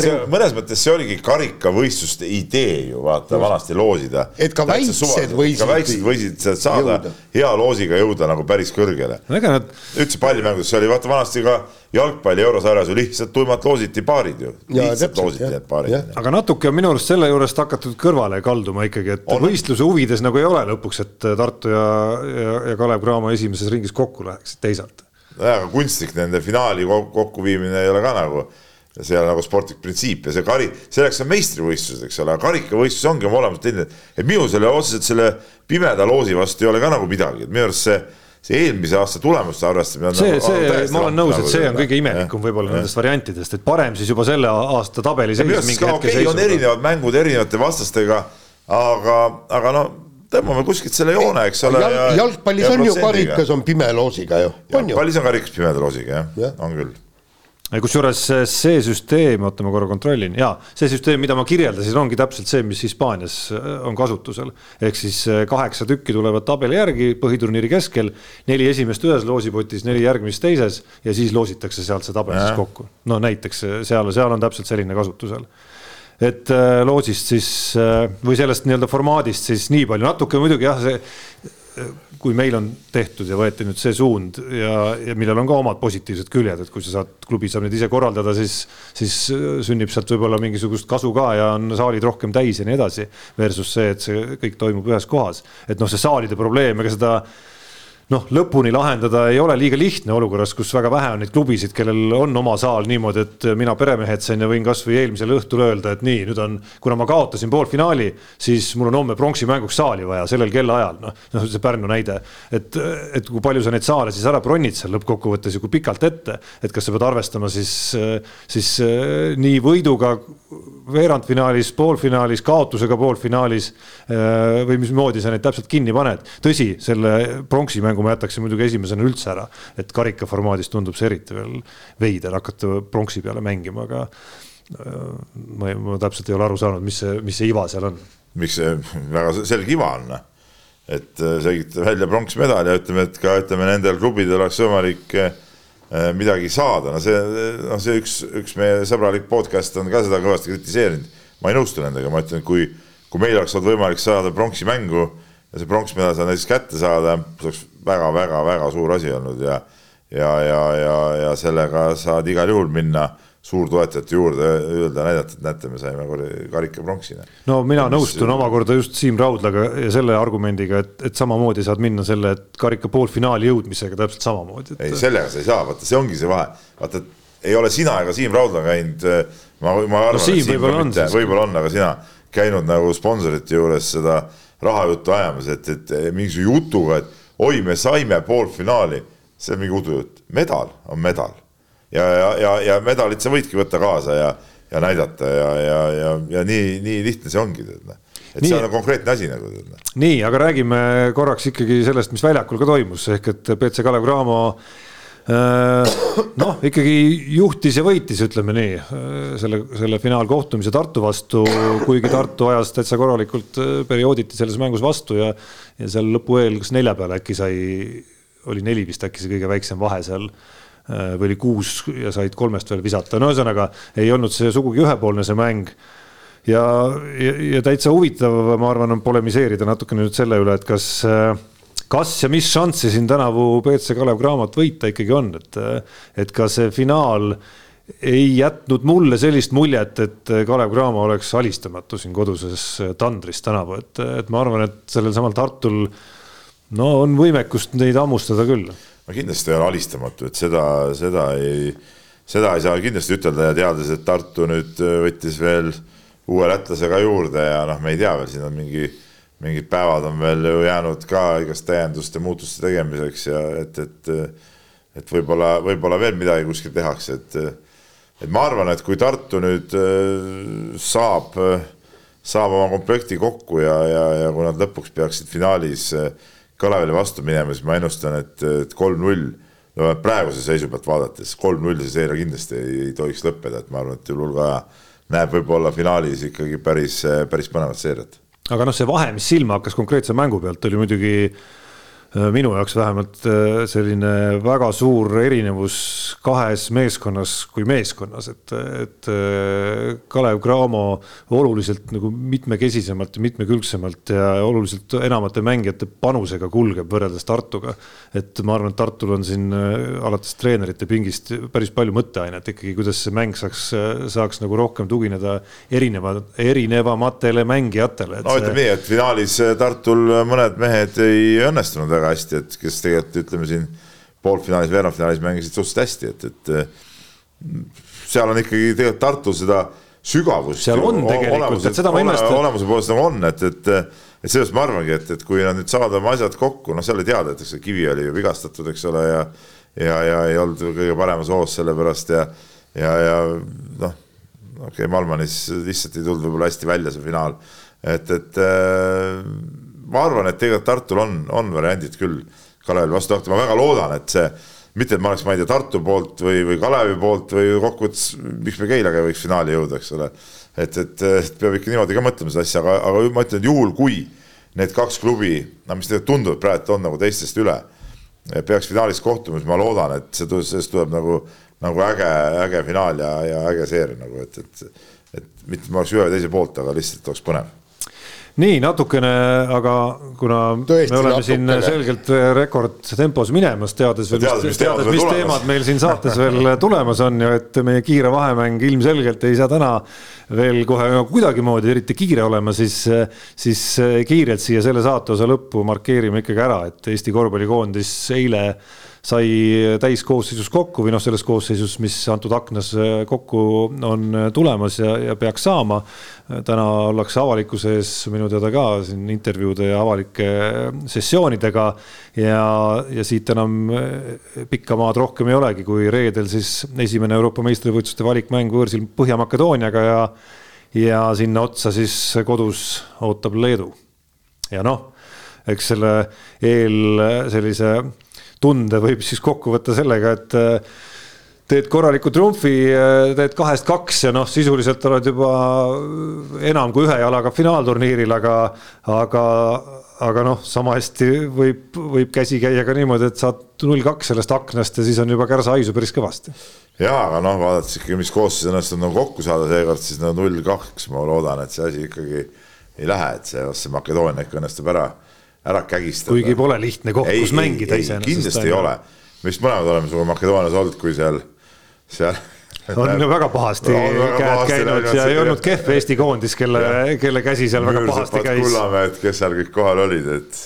tõsi, oli vähe teisel tasemel Makedoonia koondis ja, sel hetkel, aga ikkagi. aga ikkagi noh, see see tramburai, mis seal käima läks, see ei lähe ilmselt kunagi ka meelest ära. ja et kuidas konkreetselt see mäng kulgema hakkab ja, seal ja noh, paberil selgelt me peaks olema tugevam koondis, isegi kui, kui Põhja-Makedoonial on seal üks legionär abiks, et noh, ikkagi peaks olema, aga kahjuks see, see paber ei maksa siin antud hetkel üldse mitte midagi ja noh, see paberil me peaks olema koondis, kes, kes omab ambitsiooni ka Leedut kodus võita täismaja ees, mitte minema sellele mängule sellise äh, mõtte ja tundega, et noh, ega siit nagunii midagi ei tule, on ju. Toomas Häberliliku sellise, et peame oma kohta teadma. jaa, ei, see on jama muidugi, kui seda enam, et eile, eile tuli info ka, et, et kaks Leedu koondisest mängust väljas, et, et, et äh, jah, ei ole Leedul ju ikkagi ju mingi maksimaalne koosseis, kuigi ütleme, väga palju on mehi kätte saadud euroliigadest, aga, aga, aga Leedu maksimumist on asi, asi väga kaugel, et, et kindlasti, kindlasti peab minema kodus üritama, noh seda. kuigi see on üliraske muidugi, tähendab, et noh, et siin ei saa olla mingit pettumust, kui seda mängu ei õnnestu võita, aga, aga seda peab minema, üritama võita. ja kusjuures need kaks puudujat, keda sa silmas pead, on veel noh, väga võtmetähtsad puudujad minu arust, et kui ma mõtlen, millega on siis konkreetselt need kaks meest, Gedraitis ja, ja Pirutis. see noorem Gedraitis, me räägime Žalgirise Gedraitisest siis ja Pirutis sel hooajal silma paistnud, siis noh ma kujutasin just ette, et Giedraitis on see mees, keda pannakse siis meie kõige ohtlikumat äh, tagameest ehk Gert, Gert Kullamäed, Kristjan, ruttame ette siin praegu, äh, Kristjan Kullamäed hakkima siis, äh, et, et meie tagaliini ja võib-olla koondise kõige olulisem mängija üldse maha võtta. ja, ja seesama Birutis seal korvi all, noh, on tegemas eriti uue peatreeneri käe all Žalgirises ka veel nagu imelist, imelist minekut tegelikult, nii et noh hoiame hobuseid, aga, aga ei ole põhjust, nagu ma ütlesin, minna sinna küll vähe väiksema mõttega kui see, et me võiks selle mängu võita. laseme kõlli. aeg on läinud meeletult ja proovime siis eh, teatud teemadest sul kiirelt kiiret? üle minna. kuhu kiiret tööd on vaja meie teha? seltskond ei meeldi. no jaa, no see et kõhtu tuli sööma tahaks minna. noh, jah. ei noh, teie ju tööd ei pea tegema, minul on homseks artikkel. mis artiklit sa, no sul on Peep ka vist ilmselt. No see on tõesti see ainus töö vist ei valmi maailmas. homseks, ma arvan. aa, no näed, aga minul peab valmima, nii, okei okay. kusjuures ma ei välista, et täna on vaja üks artikkel isegi teha, kui nimetame seda artikliks, aga mis läheme see edasi, reklaamtekst? läheme edasi. reklaamtekst või? ei saaks nii öelda. nii, Tartu maraton toimus, äge, noh, Tartu, Tarvalt muidugi pildil äh, jälle ei olnud äh, ja tegelikult seda ma vaatasin küll, vaata, tal on see, vaata need juuksed kuidagi on turris, et on see suusamütsi alt juuksed välja turritanud ja niimoodi on kihutanud, et, et, et külje pealt nagu ajab, ajab nagu välja sealt nüüd, aga, aga ei olegi, tuleb välja, et ei olnudki stardist. Pole jah vaadanud, ennast. aga muidugi, ei, see on, see on stiil lihtsalt. aa, see on stiil, ei, ei, andke andeks, noh. nii, aga mis oli tegelikult täiesti porr, oli see, et, et seda Tartu maratoni kuskilt ei näinud, ma mõtlesin, et, et Vanasti ETV tegi otse. Nüüd juba mõni aasta minu arust ei ole, kas Ei., kas äkki pärast seda, kui see ei ole enam seal rahvusvahelises sarjas? no ei, mis vahe selles on, see on Tartu maraton ja teine asi see, ma ütlen, kunagi pole huvitatud see, mis seal ees toimub, vaid olnud see nagu ra- rahvapidu ju. noh. jah, ja teine asi oli see, et, et ma mõtlesin, et võib-olla mõni, mõni nii-öelda uudismaja ka kajastab seda kuskilt äh, vaheajapunktid ja värgid ja särgid, et aega ei, ei midagi, aga no õnneks, õnneks läksin Tartu maratoni koduleheküljele, seal nägin, nägin neid aegu ja ka, sõit oli vägev, aga muidugi täielik hitt oli ikkagi see, see tüüp, kes laskumisel kukkus tiiki kuskil rinnuline enam-vähem umbes no puusani. no ei, sealt oli ikka rohkem, ikka üle kõhu ka ja, ja, ja, see ronis seal äh, kuidagimoodi välja ja rahulikult vend pani aga äh, maratoni edasi ja, ja, ja no ütleme niimoodi, Tarmo, nüüd ei ole sul muud võimalust, kui siis näiteks, kui Tartu maraton tuleb, eks, ja mis tehnikas iganes, siis kohe maratoni stardis hüpata ka, samamoodi seal on tiike küll ju. nii, või lasta, lasta külma veega ennast üle ja just. aga on seal mingi õigustus ka oma siis teguviisile või? Absoluutselt mul ei, ma ei tunne, et ma vajaks mingit õigustust, ma endiselt jään oma mantra juurde.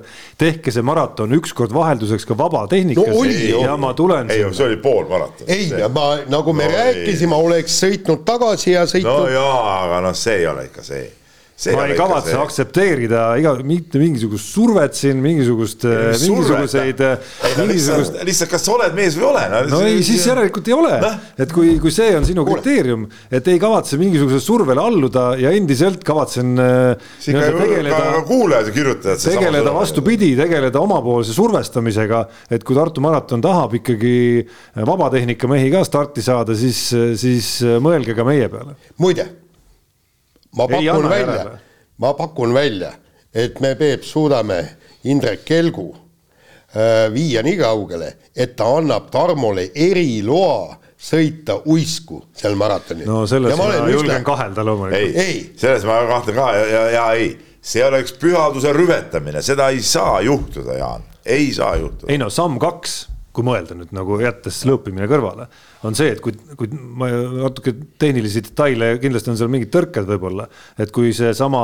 äh, tänavune samm oli juba see, et päev enne toimub siis äh, vabasõidus see kolmkümmend üks kilomeetrit, sõidu teine pool. et no miks ei võiks järgmise aasta samm olla, et, et päev enne toimub siis, siis täispikkuses vabatehnika sõitjatele. noh, see pole see. mis ta see ei olnud, õige kusjuures maraton. suusahundid väidavad mulle Noh. no., olles manitsedes nagu, et hoiatades mind, et vabatehnikas tegelikult pidi raskem olema seda läbida. kas see raske, füüsiliselt ta on just., ta on intensiivsem. et seal võivad, kui sa seda üle pingutad, siis äh, jalad võivad ühel hetkel lihtsalt üles öelda ja kogu lugu. aga ma ütlen veel kord, et, et vaata, mingid asjad, need, mis nagu peavad nagu jääma, mis on nagu klassikad ja Tartu maraton on klassika, sa ei nõua ju, et, et Vaasa lopetajat saaks uisutada läbi. Ei no ma otseselt ei nõuagi, ma ütlen lihtsalt, et kui, kuni on klassikas, siis ma ei tule. no aga see, see, see on rumalus, noh. nii, vahetame teemat ja noh, vaatame, kas saame hakkama kaheteistkümne minutiga või läheb kauem. circa kaksteist minutit läks. Rääkida. circa kaksteist minutit, kohe vaatame. Läks siinsamas laua taga aega siis Gerd Kullamäel, et äh, kuidas me nüüd ütleme võtta kokku BC Kalev Cramo mängu järel, Pärnu ja BC Kalev Cramo mängu järel see, mida ta arvab sellest, et kohtunikud seal otsustavatel hetkedel vilistasid ühe vea ja Kalev Cramo vabavisetega sai siis selle mängu ära otsustada. sellele Gerd Kullamäe kaheteistkümne minutilisele noh, mis see õige sõna on nüüd, Jaan, ütle. ei no tõsisele jutule, mida ta rääkis väga tõsise näoga ja, ja esitas oma argumendid ja, ja põhjused, noh. et sellele, sellele järgnes siis tuhande äh, eurone trahv, nüüd ma jään võlgu selle konkreetse organi, mis selle trahvi tegi, igatahes Atso Matsalu Eesti selle tegi pealt, Eesti-Läti liiga tehniline komisjon. vot, mille eesotsas siis on äh, nüüd paranda Peep, kui ma faktides eksin Eesti Korvpalliliidu juhatuse liige Atso Matsalu. ma ei tea, kas ta ees, kas seal ongi no, üks kõneisik, kõneisik ta antud äh, kaasuses oli. ei no ta oli nagu Eesti pool, ma ei vaata nüüd Läti poole kõneisik oleks. no, no Läti poolel polnud vaja seda kuidagi isegi kommunikeerida.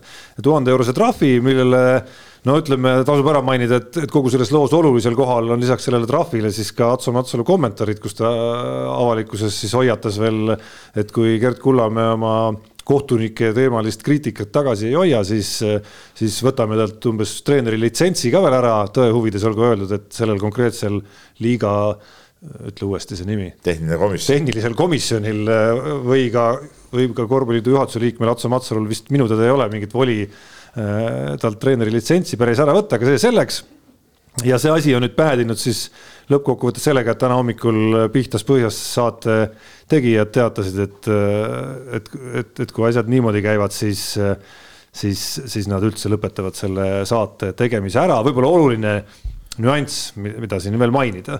ma nüüd ei tea, kui palju Peep äh, siin saates laua taga nüüd praegu siis lõpuks ütleb või ei ütle, see saab üllatus olema siin natukene.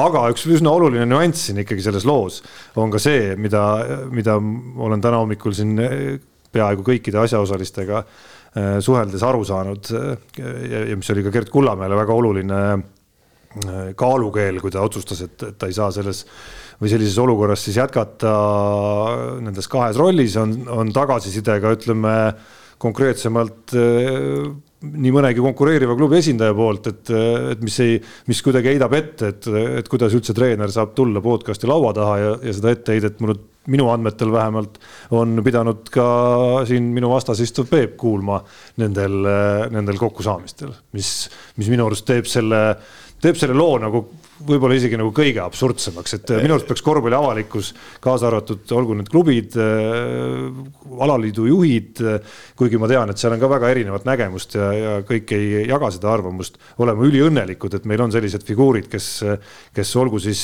äh, siin meie saates, äh, Pihtas põhjas saates, äh, mis iganes kolmandas saates, võtavad ja pööravad nii palju tähelepanu korvpallile, kui seda siin viimastel aastatel on, on pööranud. ja noh, kujutame nüüd ette seda olukorda, enne kui Peep siin üldse üldse sõna saab. et äh, okei okay,, otsustame, et me siin saates siis lõikame korvpalliteemad välja, noh. et äh, siin on mõned inimesed, kes ei pea kohaseks, et, äh, et meistriliigas treener olev mees korvpalliteemadel üldse arvab midagi, olgu siis koondisest või, või klubi tegemistest või et see, või et Keila saab tänu sellele näiteks rohkem tähelepanu kui mõni muu klubi. noh, davai, ärme räägi korvpallist siin saates ja siis mõnes teises saates ja kas see on nüüd siis korvpalli, et, et see on nüüd siis korvpalli suur, suur triumf? Võiks Delfis ülekanded ka ära kaotada. milleks neid näidata siis? jah, äkki seal kui ka. rääkida ka ei tohi, siis ei ole mõtet ju näidata ka midagi ja, ja, ja tegelikult peaks ju äh, saali uksed ka sulgema, tead. seal inimesed võivad ju ka roppusti midagi ütelda ja. no ja kusjuures ongi, Keila ongi öelnud. mingi pahandus kogu aeg, et teeks nii, et katsuksime siin nurga taga hästi vaikselt nagu teeme ära ja mängime natuke. jah, me jõuame, me jõuame ja, selle teemani, kuule, meil tuleb siin teema, neljas punkt vahemängus, nii nagu naiste võrgus no,. paneme kell kaksteist päeval. kell kaksteist päeva täpselt, keegi ei saa tulla, keegi ei kommenteeri, kedagi ei huvitagi, noh, siis ongi mõnus, noh, siis on väga mõnus, tead, siis, siis me oleme kõik rahul ja, ja, ja näpud püsti ja siis on kindlasti eh, tehnilised komisjonid rahul ja, ja kedagi ei kritiseerita ja, ja midagi ei ole. no tegelikult eh, olgem ausad, no tähendab, sa ütlesid, sind kõige rohkem hämmastas see äh, mingi klubi, ma, see ja, ei no, ole. ma tahtsin nagu... tagasi, tagasi otsaga ja. jõuda muidugi selle konkreetse kaasuse juurde, kus, äh, kus loomulikult on mingisugused reeglid teil kokku lepitud omavahel seal, äh, kust jookseb siis kriitika piir ühest suunas, teises suunas, mingid trahvid, nii edasi, nii edasi. loomulikult ei saa Gert ja Pärnu esindajad rääkida tuima häälega, kuidas see sõnavõtt oli kohtunike kiitmine, no loomulikult oli see lõppkokkuvõttes kritiseerimine, kuigi väga osaval ja ma arvan, kuulajaid ja vaatajaid noh, ikkagi nende meelt väga lahutaval moel kahtlemata ja nauditaval, nauditaval moel, et noh, ja isegi selle juures, no ma ütleks Eesti mõistes see reaktsioon oli selgelt ebaproportsionaalne, mis järgnes sellele. ei no tead, kõige hullem ongi asja juures see, et, et noh, üks asi, noh tehti trahv, tehti trahv, noh no ütleme, ma, ma siiski ei, võtan siit kinni korra veel korra no., vabandust, et, et no kui me räägime ka trahvide suurusest, siis Euroliigas alles eelmisel või üle-eelmisel nädalal karistati Wade Baldwinit, kes oli peaaegu kohtunikule kallale minemas mängu järel, kolme tuhande viiesaja euroga. mängijad, kes teenib umbes kaks miljonit äh, eurot aastas. ja see, äh, see ei, sellega ma nõus aga ma ütlengi nii, et, et. et seda proportsiooni okay, arvestades oli see üle proportsiooni. siis kaugemalt pihta. minu arust ja see on minu isiklik arvamus, ei peaks olema niimoodi, et äh, okei okay,, on see tehniline komisjon, mis tähendab sisuliselt nagu nagu asendab nagu Eesti liigas distsiplinaarkomisjon, ütleme, noh ta asendab nagu natuke seda, et see komisjon saab siis nagu ise oma vaba voli äh, alusel võtta teemasid, mille põhjal hakata, mille peale hakata siis äh, karistusi määrama, minu arust ei ole mitte keegi esitanud sellele komisjonile, mina niimoodi aru saan, mingit kaebust. Äh, komisjoni üks liige lihtsalt võttis ise pähe, et nüüd teeme sellise asja ja määrame sellise karistuse, see on, see on number üks. et, et minu arust Äh, need asjad ei peaks nii lihtsalt käima, et seda enam, kui see, seda komisjonis on inimene, kes on ilmselgelt ühe öö, äh, osapoole, kuidas ma ütlen, huvide esindaja ja huvitatud pool. et kui selline komisjon on, siis seal ei tohiks olla nagu üldse nagu asjaga öö, seotud inimesed, siis, siis, siis on veel kuidagi võib-olla arusaadav, eks ole, siis peab keegi esitama sinna komisjoni, et näe, palun, siin oli niisugune lugu, palun arutage seda. punkt kaks see komisjon ei tohiks teha otsuseid niimoodi, et nad ei ole äh, rääkinud osapooltega, küsinud äh, selgitusi ja nii edasi ja nii edasi, noh, et see nagu, need on nagu asjad. okei okay,, lõpuks määrati mingisugune trahv, noh, selle ma veel neelaks alla, aga kui siis see komisjoni liige hakkab rääkima sellist juttu tõesti, et, et kuule, et kui asjad niimoodi jätkuvad, me võtame treeneri, treeneri litsentsi ära noh, selle peale nagu ausalt öeldes tahaks ütelda, et, et võtaks äkki selle komisjoni liikme litsentsi ära, tead noh, üldse nagu, nagu selles komisjonis olemiseks või, või, või korvpalliasjade ajamiseks, et noh, see on ju jama, no sihukest, see on vot see on nagu korvpalli, kui nüüd keegi üldse korvpalli kahjustas, vot siis see intervjuu nagu, mis, mis nagu eetrisse paisati, vot see kahjustas korvpalli. ja sellega tuleb tegelikult nüüd tegeleda ja sellega peab nüüd korvpalliliit tegelema, et sellist jama mitte kunagi enam ei korduks, noh. et see on nagu asja point tegelikult noh ja tegelikult nagu mina siit kõrvalt kuulates aru saan, tähendab ühesõnaga, kui kellelegi tehakse trahv, ükstapuha millisel spordialal, kus või millegagi dopingureeglite rikkumine või mis asja, igal po- igalühel peaks olema kindel võimalus minna apellatsioonikomisjoni. Ja, ja tegelikult meil on alaliitudel olemas apellatsioonikomisjonid ka. Ja teine asi on meil ju ka EOK apellatsioonikomisjon, kuhu tegelikult äh, võib minna, mis on siis eel, eelnevad instant, instantsid nii-öelda rahvusvahelisele spordikohtule, no sellega ju muidugi spordikohtusse minna ei saa. aga tegelikult peaks olema kindlasti võimalus kaevata edasi see karistus ja sellele samale korvpalliliidu apellatsioonikomisjoni. et noh, siit on nagu korralik kobarkäkk ikkagi moodsas keeles minu arust välja sepitsetud ja, ja kui ma selle teise poole juurde ka veel tulen ja, ja tõesti noh, kuulen siin äh, inimestega omavahel rääkides noh, neid hääli, kuidas seal, ma ei tea, ühele inimesele ei meeldi, et ühes saates keegi ütles midagi niimoodi ja tei-, no ja teises saates keegi niimoodi ja tuleks üldse ei, ei peaks olema seal, ei peaks käima seal noh, siis see on minu arust, see on minu arust nii lühinägelik vaade sellele, mismoodi, äh, mismoodi hoopis rõõmustada selle üle, et, et korvpall ja konkreetselt ka liiga ja need mängud ja koondised on nii palju, nii palju ja nii erinevates formaatides praegu arutelu all ja, ja et meil on noh, meil antud juhul äh, räägin nagu korvpalli kontekstis, on selliseid inimesi ja figuure, keda, kes, kes nagu, keda on äge kuulata ja kes koondavad kuulajaid enda ümber.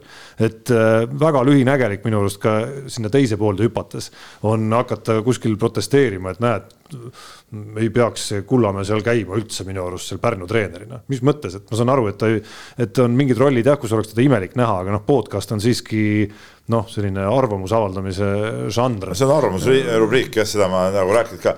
teisalt jälle ma mõtleks. ja, ja maailm, maailma vaadates noh, siis, siis ei saa ka öelda, et see kuidagi midagi erilist oleks, et see ongi nagu uus maailm, mis, uued meediavormid, mis tulevad peale, olgu see siis blogi või olgu see podcast või olgu see midagi, keegi teeb sotsmeedias mingisugust väga ägedat asja, olgu ta mängija, treener või mänedžer, kõikide selliste algatuste üle tuleks ainult õnnelik olla. et no teine asi ongi see, et, et noh, tegelikult noh, selle teema, ütleme, algataja teiselt poolt noh, ütleme Atso Matsal on ju ka tegelikult ju noh, aastaid ju korvpallis äh, olnud ja, ja, ja korvpallile ju, ju palju ju tead andnud ka, no ütleme kõva kohtunik, eks ole, kõva komissar seal kohtunikke koolitanud, äh, teinud ja olnud ja, ja, ja ka toetanud korvpalli ettevõtjana. Ja kõik see, et no mis, no mis äh, uss nüüd siis niimoodi hammustas, et, et, et seda nagu, nagu niimoodi keerata, et no kõiki asju saab ju, ju ka klaarida, ma olen nõus, ma olen siin selle Johniga, Pärnu klubi juhiga rääkinud ka neid asju ja, ja kõike saab ju nagu arutada, et noh, et miks neid asju peab niimoodi, niimoodi tegema, vot see nagu mulle nagu pähe ei mahu, mahu ja, ja siin ma ikkagi näen ka, et, et, et seda, seda kogu seda teemat ei saa nagu, kus öeldakse, et head kriisi ei saa raisku lasta, eks ole, et seda teemat alaliit ei tohiks ka praegu nagu kuidagi nagu, nagu raisku lasta selles mõttes, et et arutada ka ikkagi oma seas veel rohkem läbi, ma ei tea, juhatuse tasandil, et, et, et, et, et, et kuidas me neid asju siis teeme, et, et, et kui on, noh, on mingisugune nii-öelda rikkumine, kuidas me neid arutame, kuidas me neid karistusi määrame, kuidas me seda pärast kommunikeerime, eks ole, et, et, et ei tekiks sihukest, sihukest asja, et no tegelikult kõige suurem jama ikkagi tuligi sellest kommunikeerimisest või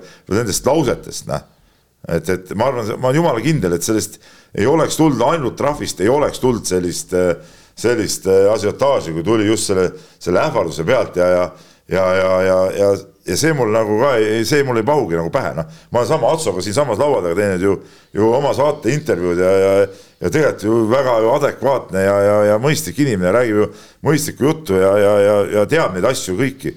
et, et no kurat, peaks saama ikkagi neid asju ajada nagu, nagu paremini, et ei, et sihukest fopaad nagu ei, ei, ei tohi tekitada. Noh.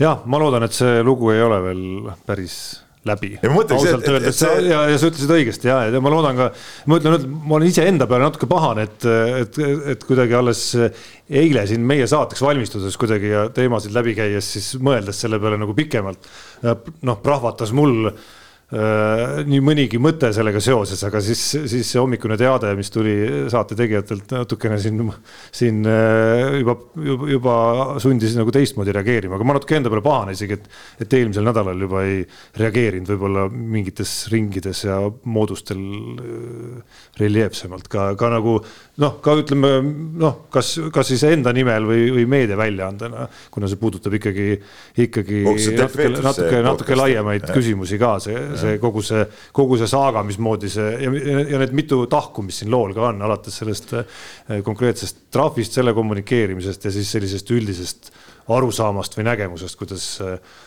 noh kasvõi, et Peep ei peaks istuma siin saates ja Kossu liiga teemadel rääkima. ma ei taha, ma ei taha nüüd üldistada, et nii on see nüüd mingi valdav arvamus, aga sa, Peep, ilmselt ei saa ka ümber lükata, et on kõlanud sulle ka selliseid. ja, ja ma ütlen väga, just neid, neid tahke ongi nagu mitu, eks ole, et noh, et, et et keegi ju ei vaidle sellele vastu, et, et on juhendis selline punkt, eks ole, et, et sa ei saa, ei saa nagu ühte, teist või kolmandat asja ütelda. tulebki mingil määral muidugi natukene. tulebki ohjelda, see ei saa olla päris nii, et, et, et ükspuha mida nagu välja, välja purskad, eks ole, noh. noh, ütleme ühes eilses formaadis seal jõuti ka teatud kokkulepeteni, mis ma arvan, nagu tegelikult mõnes mõttes süsteemi sees neid asju nagu nagu muudavadki juba natuke ka paremaks, aga, aga, aga ma ütlen veel kord, et siin nagu, nagu seda laiemat pilti oleks vaja nüüd vaadata ja, ja, ja, ja, ja veel arutada igal juhul nagu.. ja kuule, mul tuli mõte. Äh, korvpalliliit võiks müüa, pakun, no ütlen äh, niisugune kümne tuhande euro eest aastakaart. ostad aastakaardi ja siis ongi, tähendab, ühesõnaga enam lisatrahve sulle ei määrata, sa võid rahulikult äh, äh, kõike rääkida ja siis võib-olla siis see saate sponsorid maksavad siis ku- noh, no Kullamäe, kellel on probleem, maksavad kümme tuhat ära, kõik ja vend, räägi kõik, mida tahad, keegi midagi ei, noh, rohkem ei toogi. miks mitte? võimas, no Jaani peaks saatma ikkagi kuskile. Jaan, Jaan peaks olema siis tehnilises komisjonis. jah, jah, et, et. ei, aga korvpalliliidule tuleks kümme tonni sisse mõnusalt ja. jah, oleks ka paha variant muidugi. ma arvan, et Keijo Kuhi oleks äh, rõõmus, raha tuleb. et kes, kellel raha, see siis saab. see, see lamentida. sellele on õigus rääkida no. see on muidugi ka hea loogika. Jaan, no tule nüüd mõistusele tagasi. nii. no Jaan ise on sihuke kröösus, vaata, noh, et talle, talle sobiks selline no.. talle sobiks muidugi noh noh, mis ah,, jälle mina või? ei. no nii, ah, Eigo sai teise pitsi. Eigo teie väike pits ja Gregor Sirk, meie ujuja, üllatas siis MM-il viienda kohaga pikas basseinis.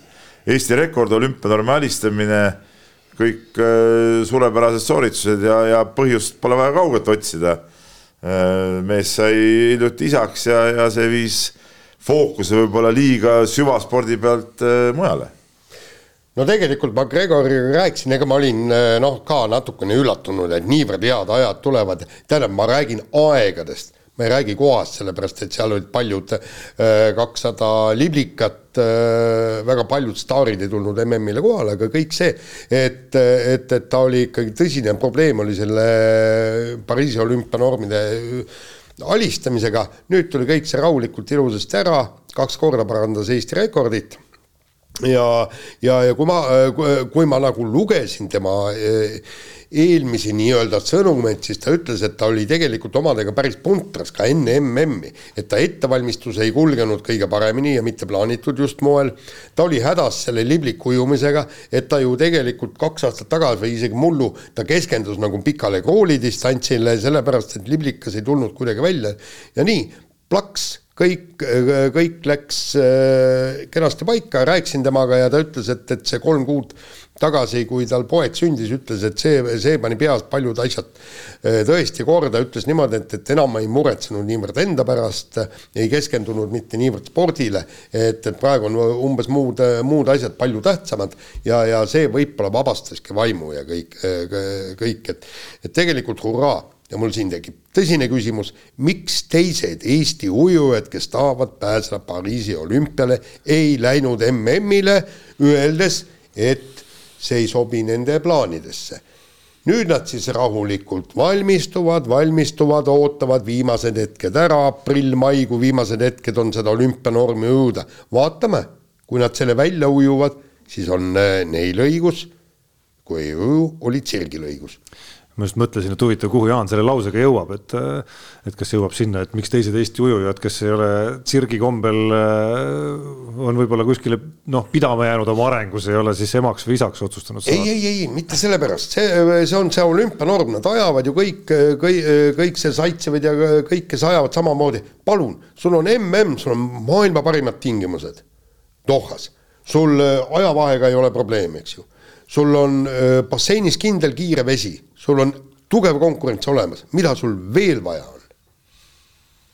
no see ongi see, et miks, miks paljud maailma tipud sel MM-il kas ei osalenud või ei olnud väga heas hoos, ongi see, et et ujujatel see vormi sättimine teatud perioodil on päris keeruline ja, ja nad ei saagi ennast praegu tippvormi ajades nad kardavad olümpiaks. Tipp, tippude jaoks on see okei okay., neil, nad ei pea olümpiapileti pärast muretsema. täpselt, neil on olümpiapilet olemas ja nemad mõtlevad eh, medalitest. aga me räägime ujujatest, kellel ei ole. no jaa, aga jälle nad näevad nagu varianti selles, et kui nad on hiljem tippvormis, et siis nad saavad olümpiaajaks kuidagi seda, ma ei tea, kas säilitada või paremini sättida, no ütleme, ei ole sina ega, ega me keegi siin nii kõva ujumisspetsialist, et seda, seda nagu ei, täpselt vaagida. ei, kõik on õige, saame näha, saame näha kui, eh, kui nad, eh, kui nad eh, täidavad üldse olümpianorm, nüüd enam ei ole, muidu oleks, kuna meil Eneli Jefimol on olümpianorm täis, siis üks Eesti meesujuja oleks saanud rahvaste sõpruse kohaga, ehk siis nii-öelda ja, ja nüüd palun täitke need, aga need normid on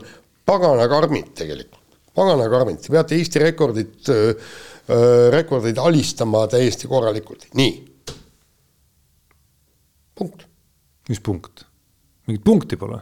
nimelt. neljas, neljas päevakorrapunkt, ports segadust Balti võrkpalliliiga ma- finaalturniiride ma ümber. ütlesin, tsirkil on punkt Ah, seda küll, sinu kord. ah,. minu kord.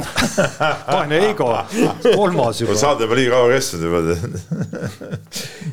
jah, et äh, Balti liiga äh, võrkpalliliiga finaalturniiride ümber igasugune möll ja, ja, ja segadus käib, et äh, et, et naised peavad siis poolfinaali mängima keskpäeval ja, ja reedel. reedel ja veel ka reedel, noh, kell kaksteist hakkab mäng ja nagu ta ütles, et noh, et mängijad on tööl ju, peavad, peavad seal tö- tööd rügama ja publik ei saa tulla ja kõik nii, et, et jälle naiste diskrimineerimine, noh, ütleme niimoodi, et Aavo Keel, kes on meeste, meesteliiga, mis pistmist naistega on, aga okei okay,, see selleks. no nii palju, et tema oli üks osalisi, kes siis pidi seda kuna asja meeste. Final Four korraldatakse samal ajal, no see on üks, üks üritus nagu. ja, ja, ja, ja siis selle peale ta ütles, et, et kuulge, naised nõuavad, et oleks kõik asi professionaalne. ehk siis professionaalsust nõuavad, aga kas nad ka ise professionaalsust pakuvad, ehk siis mängitakse võrkpalli töö kõrvalt ja see on umbes nii, nagu me Peep Lähek siin ka läheks. Jaa, ega see- no see paralleel nüüd liiga hea, Jaan, ei ole ma. olen Ei,, ma olen Aavoga sellest ka rääkinud, et ta päris nii seda muidugi, ta väidetavalt ei ütlenud ka, et, et noh, ta mõtles seda natuke teistmoodi, see te- mõte oli teistmoodi, aga no selle, sellel ei ole tähtsust. no nii, no nii, no nii palju on tähtsust, et eks seesama professionaalsuse tõstmine, noh, saab käia sammhaaval kuidagimoodi ja komplektina ja kindlasti reedel kell kaksteist hooaja ühe olulisema mängu paigutamine sellele, sellele tasapisi tõusmisele kaasa ei aita. nõus, et see ongi nagu asja point, et, et eh, miks nagu seda, miks nagu üldse nagu sporti tehakse, eriti võistkonnaalasid ja, ja nii-öelda tipptasemel, ütleme, olgem ausad, ikkagi see Balti liiga Eesti mõistes on tipptase, on nad amatöörid või, või professionaalid, seal ei ole vahet, eks ole, et see on nagu kohalik tipptase, miks seda tehakse tehakse, eks ole, mitmed eh, komponendid, üks oluline komponent on see, et pakkuda eh, publikule midagi, pakkuda etendust, pakkuda nagu show'd on ju. ja, ja, ja, ja kui sa teed seda tööpäeval kell kaksteist, siis sa ei saa seda pakkuda. no jaa, aga kui sul ei ole saali, kuhu panna see mäng, no vot see on vot see hakkab saalide teema, vot see nagu hakkabki natuke nagu hulluks ajama tegelikult tead noh. et mis, mis, mis kuradi värk nendega on, et, et et, et kuidagi ei saa neid sättida, tead noh. no äkki ei pea neid siis seda kõike ühte puntrasse kokku No no, panema, neid turniire sellisel moel, nagu need otsustati panna., ka nõus, et, et et kokkuvõttes need kuupäevad ja need on ju mingi aasta ette saad ju panna, no okei okay,, sa ei tea, no seal on muidugi see moment. neid ka muudeti seal veel natuke kohendati. et sa ei tea, kes võidab põhiturniiri, et tema kodus tehakse. no siis kõik äh, klubid võiksid ju panna igaks juhuks oma saali kinni, noh, selleks ajaks, noh.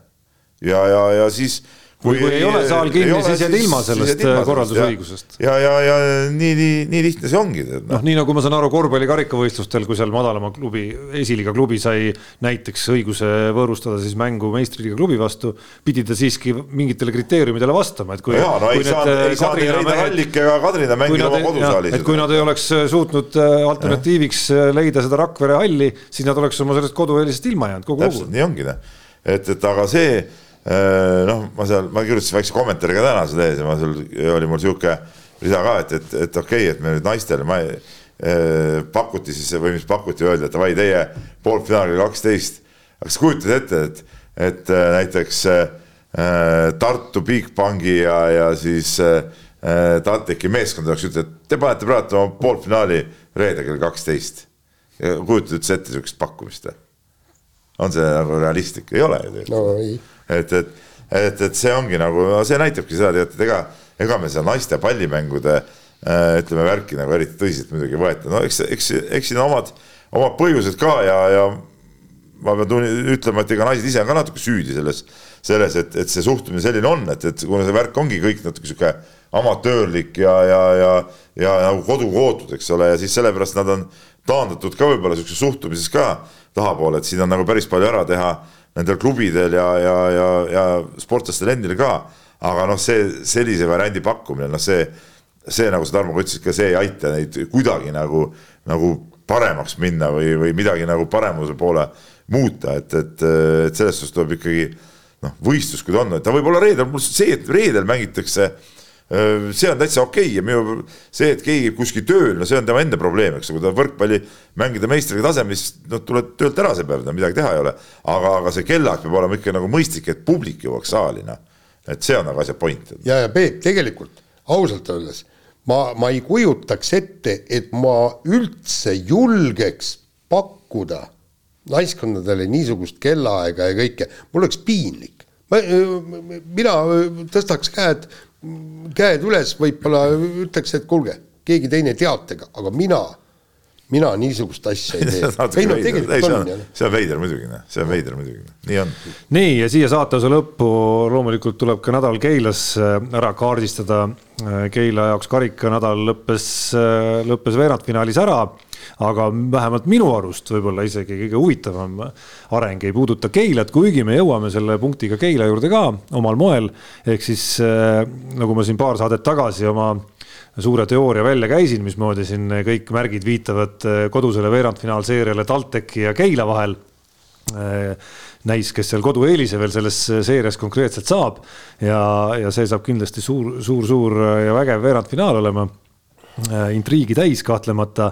Äh, seda, sellele juba ette mõeldes oli minu arust päris äh, huvitav ja märkimisväärne uudis see, kuidas TalTech on värskelt tugevdanud oma ridu siis Itaaliast koju naasva ja siin Eesti koondiseski juba käevalgeks saanud Gregor Kubaga no pigem eesliinimehega tegemist ka, nii et äh, läheb sinna liini natukene ka, kus TalTechil rohkem, rohkem muresid on, nii et küsimus, mis on äh, Keila vastukäik? no Gregor Kuba tulek on kindlasti huvitav, huvitav käik, no ütleme, pigem on ta ikkagi sihuke ääremängija kolm-neli, eks ole, et, et, et päris nüüd korvialune jõud, kuhu võib-olla ma ise oleks mõtelnud, et TalTech võib-olla midagi rihib, et sinna ta. aga noh, ta on sihuke agressiivselt lauda mineja. ja, ja ei, seda küll, ta on pikk poiss ja ta on ikkagi. jõesaarelik natukene võib-olla. ja, ja võib-olla keha poolest äh, veel võib-olla tänapäeva korvpalluri sarnasem, eks ole, et, et, et selles suhtes äh, huvitav jah, tahaks näha, et, et kui tal nüüd, raske ütelda, miks ta seal Itaalia esiliigas nagu välja ei tulnud, asjad, et, et, et kui ta nüüd tuleb siia, siia Eesti liigasse, et kuidas ta siin kohaneb ja mismoodi see see olema hakkab, et, et seda on, seda on kindlasti huvitav vaadata. Äh, meie vastukäik või? no sa ise mainisid siin alles Tartu ja Kalev Cramo teemas, kuidas äh, Tartusse tuli uus mees ja ei ole veel tähtaeg läbi, siin on kuu lõpuni teatavasti aega ikkagi veel liigutusi teha, Peep selle jutu peale juba peidab oma silmad kuskile nagu tahaks varjata midagi meie eest. no räägi välja, no... see minu arust meie saade peaks olema just koht, kus me saame teada nendest asjadest äh,. muidugi tahaks võtta kas Delfi sponsorlus suurendab või? ei tea, pead äh, Arksi käest küsima. Arksi käest peab küsima, jah, täpselt et äh, ei no jah, ma möönan, et meil oleks tarvis teatud äh, täiendust, möönan, et olen igaks juhuks vaadanud, uurinud, puurinud. aga praegu mul ei ole midagi ütelda no öö, mõni huvitav isegi nimi või, või huvitav kuju, noh, ütleme nimi, nimi on vale ütelda. mõni huvitav kuju nagu on tegelikult isegi, isegi võib-olla silmapiiril, aga, aga, aga praegult eelkõige jääb see ikkagi äh, finantsküsimuseks, jah. kuigi ütleme näiteks korvpallialased mängijad väga palju, ütleme siukses sobilikus hinnaklassis ei ole liikvel praegu on, on ja kes oleks nagu siuksed mehed, keda nagu tahaks kohe võtta. ütleme, kui meil oleks vaja midagi võtta, siis pigem ikkagi ütleme võib-olla korvialust äh, täiendust, aga, aga. ja jutt käib meil, ütleme märts, aprill, no kolm kuud ümmarguselt. No, ja räägime siis, mis asjast, circa, ma ei tea, kuuest tuhandest eurost, seit-, kaheksast, üheksast, kümnest. no Kokku. kui ikkagi tahaks võtta no mingigi mängija, noh, oletame sihuke noh. kümpa. kolm tuhat eurot kuus, noh. no ikka kümne ringi. ei rohkem, no sealt mõtlesime, et elama panema Äh, Keilas korterüür pluss kommunaalid on ise juba seitse pool sada umbes. no okei okay,, no ühesõnaga kümme, kümme tuhat äh, miinimum, ütleme, kui rääkida mängijast, kellest tõesti näed, et, et tast võiks nagu kasu. see koht on ju olemas tegelikult, meil nii-öelda see välismaalase litsents on ju ostetud ja, ja seal oli mängija ka olemas, noh. et, et aga jah, noh, vaatame siin mõned päevad või nädalapäevad on veel aega. põnev, laseme kõlli Unibetis saab tasuta vaadata aastas enam kui viiekümne tuhande mängu otseülekannet. seda isegi mobiilis ja tahvelarvutis. Unibet, mängijatelt mängijatele. nii, naaseme oma, oma ennustusvõistluse juurde. Peep äh, klõbistab siin arvutiekraanidel ja Äh, ilmselgelt on käinud siin Tšehhi, Tšehhi lauatennise liigat ajal. pingpongi liigas olime taas tegev ja ütleme nii, et korraks, vot see on nüüd see, ärge nüüd äh, minu järgi nagu tehke, eks ole, et, et, et õnnestus saada võit, ma panin siin duubelpanuse, kõik läks hästi, õnnestus saada raha ja siis nagu tihti juhtub, näpud hakkasid sügelema, et, et kiirelt ja kergelt tuli, et noh, paneks ühe veel et siin saate ajal, et vaatasin, et noh, et on. ja siis see panus oli väike nagu riski, riskipanus. pagan, see läks nagu ära, noh, et üldse see mäng ka läbi. Ehk siis äh, väga suurt võitu siin kokkuvõttes ei tulnud. kaks eurot jäi plussi, no siis seegi. no asi seegi jah, aastas on ju mingi viiskümmend midagi nädalat on ju, kui sa iga nädal kaks kahega pluss, siis oleks, sada eurot, et noh, oleks juba oluliselt tublim sooritus kui eelmisel aastal või enamikel aastatel. jah, abiks seegi. Noh, Tarmo, sa tead mu probleemi, eks mul oli, ma tahtsin panna kogu oma raha, eks kolmsada.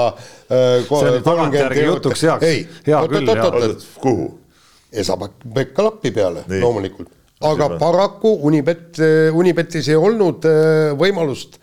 no sel hetkel, sel hetkel jah. sel hetkel jah. aga no Jaanil Ja- ja- muidugi, ei, Jaanil muidugi jutuks hea küll ei, ei, Jaanil muidugi jutuks hea ei, küll. ei, mis mõttes jutuks see, tõesta, et ma ei tahtnud panna kogu oma raha. ja, ja ma loodan nüüd, et Uni Unibet kannab mulle siis, mul oli seal kolmsada kolmkümmend umbes eurot, eks võtku eh, Esa-Pekka lappi koefitsient, mis oli umbes kuus või seitse, eks korrutagu läbi ja, ja siis kandku mulle see kas raha, kas. äh, äh, Urmo või siis, või siis Argo peaks Jaanile trahvi tegema? no praegult ju siin ütleme kritiseeris sponsorit meil Jah. saates. noh, tõesti, tuhat eurot. tuhat eurot ja palun, paluks, paluks kanda, võib minu arvele kanda, ütleme ise ah,, mina sealt saaks juba tehniline komisjon. Kümnest, äh, ühe tuhande saaks kätte. mina, see saab tehniline komisjon. ja, ja määran Jaanile praegu äh, trahv. jah, ja, ja, ja Ei no kui ma, kui ma no veel kuule. palju mögisin, siis võtad mult ka litsentsi. ja sa ei saa, ja sa ei saa võtta su töötõendi võtta ära, no sa ei saa, see kiibi võtta ära, see liftiga üles enam. ei no mis sa tuhandega jändad, määra kümpa ikkagi siis juba noh, sealt saadki oma legionäri vaata, kätte. vaata tasa ja targu, tasa ja targu, järgmine eksimus on juba kümnekordne. see tuleb, ma ei välista, et see tuleb juba sellest samast saatest täna siin, nii et see Jaani puhul käib üsna kiiresti. no mina sain plusspoolele vähemalt tagasi ja see, see panus, millega ma sain, oli siis seesama karikafinaal Tartu ja, ja Kalev Cramo vahel, kus panuse sisu oli see, et Tartu ei kaota rohkem kui kümne punktiga. mulle tundus see liin ausalt öeldes kuidagi nagu liiga suur, arvestades, et, et noh, paberil need meeskonnad ei näe nüüd nii erineva võimekusega välja. Kalev Cramo muidugi on soosik. et esimese omavahelise mängu, mis nad pidasid sel aastal, see oli ju ülitasavägine mäng ja noh, üldse okei okay,, me ei saa rääkida siin, et tegemist on, ma ei tea, olümpiaakos, Panathinaikos või Crvena Zvezda partisan tüüpi duelliga, aga noh, natukene Kalevi ja Tartu mängude juures ikkagi on sellist aurat ka, et eh, mingu meeskondadel kuidas läheb, aga kui nemad kohtuvad, siis, siis, siis noh, mine tea, mis, mis võib nagu juhtuda ja, ja pigem see mäng nagu tõestas seda, et Tartul oli seal, oli seal varianti küll, nii et mul on hea, hea meel, olin, panin tõesti asjatundliku panuse lihtsalt asjad on. jah, lihtsalt olin, olin meie saate Vot sa tead, et- et olin on- meie saate toetajast targem sõna otseses mõttes Nii.. koefitsiendi meistrist. Ei. nüüd ma saan juba viieka trahv. Ja- ja see kritiseeris saate toetaja koefitsiendi meistrit. ja, ja, ja tegelikult mina olin. ei, vastupidi, sa ütlesid, sa oled targem tast no jaa, aga see oli väga hea, ei, siin ei, ei räägi musta-valgeks. Ei. ei no Gert Kullamäe ka Komisjon- ikkagi ju tegelikult kiitis komisjon kohtunikke. minu ühikus otsustab teisiti. Gert Kullamäe ka kiitis kohtunikke. jah, komisjon minu ühikus ja, otsustab ja teisiti. sinu juttu kuulates mul oli kogu aeg suu ammuli, et mis siis karikafinaali peale sai panustada. No nii, nüüd tuli kümpa. mina sain aru, et, et no nüüd korras äh, siit saab juba nelja siit saab tsenter- nelja tuhandese tsentri tsenter on juba juba olemas nagu. jah, mina arvasin, et see on ainult Tšehhi pingsiliiga. aa, no nüüd siit, siit tuli veel. ma saan taha ka ühe tuua. ei no mul on tunne, et sa varsti saad juba, ma ei teagi, Mattias Tassi tood ära juba siin või noh, Nurger saab vähem siin mängida Cramos, et äkki see õnnestub Cramo meestega kokku leppida veel, et tuleb Keila poiss ka. jah, nii. Kirjad. ja kirjad ja kirjutab sihuke mees nagu Mööra Karu Kaspar Rakverest ja kirjutab meile nii, et pühapäeval Tehvasi staadionil Tartu maratoni starti minnes jäi teadvustaja jutust kõrva maratonil minevate erinevate elualade tegijatest, mis ta rääkis, eks ole. selles loetelus kõlas sealhulgas hulga jalgpallureid. hilisemat protokolli uurides osalesid tõepoolest kuus endist jalgpallikoondisest, seejuures kaks neist lõpetasid esisajas eesotsas ninamees Piirojaga. Korvpalli austajana küsin, kus on meie spordiala esindajad eestlasi defineerivas, defineerival suurel mõõduvõtul, Tarmo, eestlasi defineerival ma ei allu sellele mõjutustegevusele. kas suusatamine sobib alaspetsiifiliselt paremini jalgpalluritele kui korvpalluritele? ehk oskab Peep sellele äh, vaadet anda. Ja siin üks lihtne vaade on see, et kuna Kossu kogu aeg praegu käib, siis Kossu mehed ei saagi tulla sõitma sinna no võisid ka olla siis nagu minevikumehed, no ma vaatasin kiiresti guugeldasin, esimene nimi, mis mul meelde tuli Kossu meestest, kes oleks võinud Tartu maratonil olla käinud. Valmo, no üldse ükskõik mis maraton, Valmo Kriisa, kaks tuhat üheksateist on täitsa olemas arhiivis näiteks.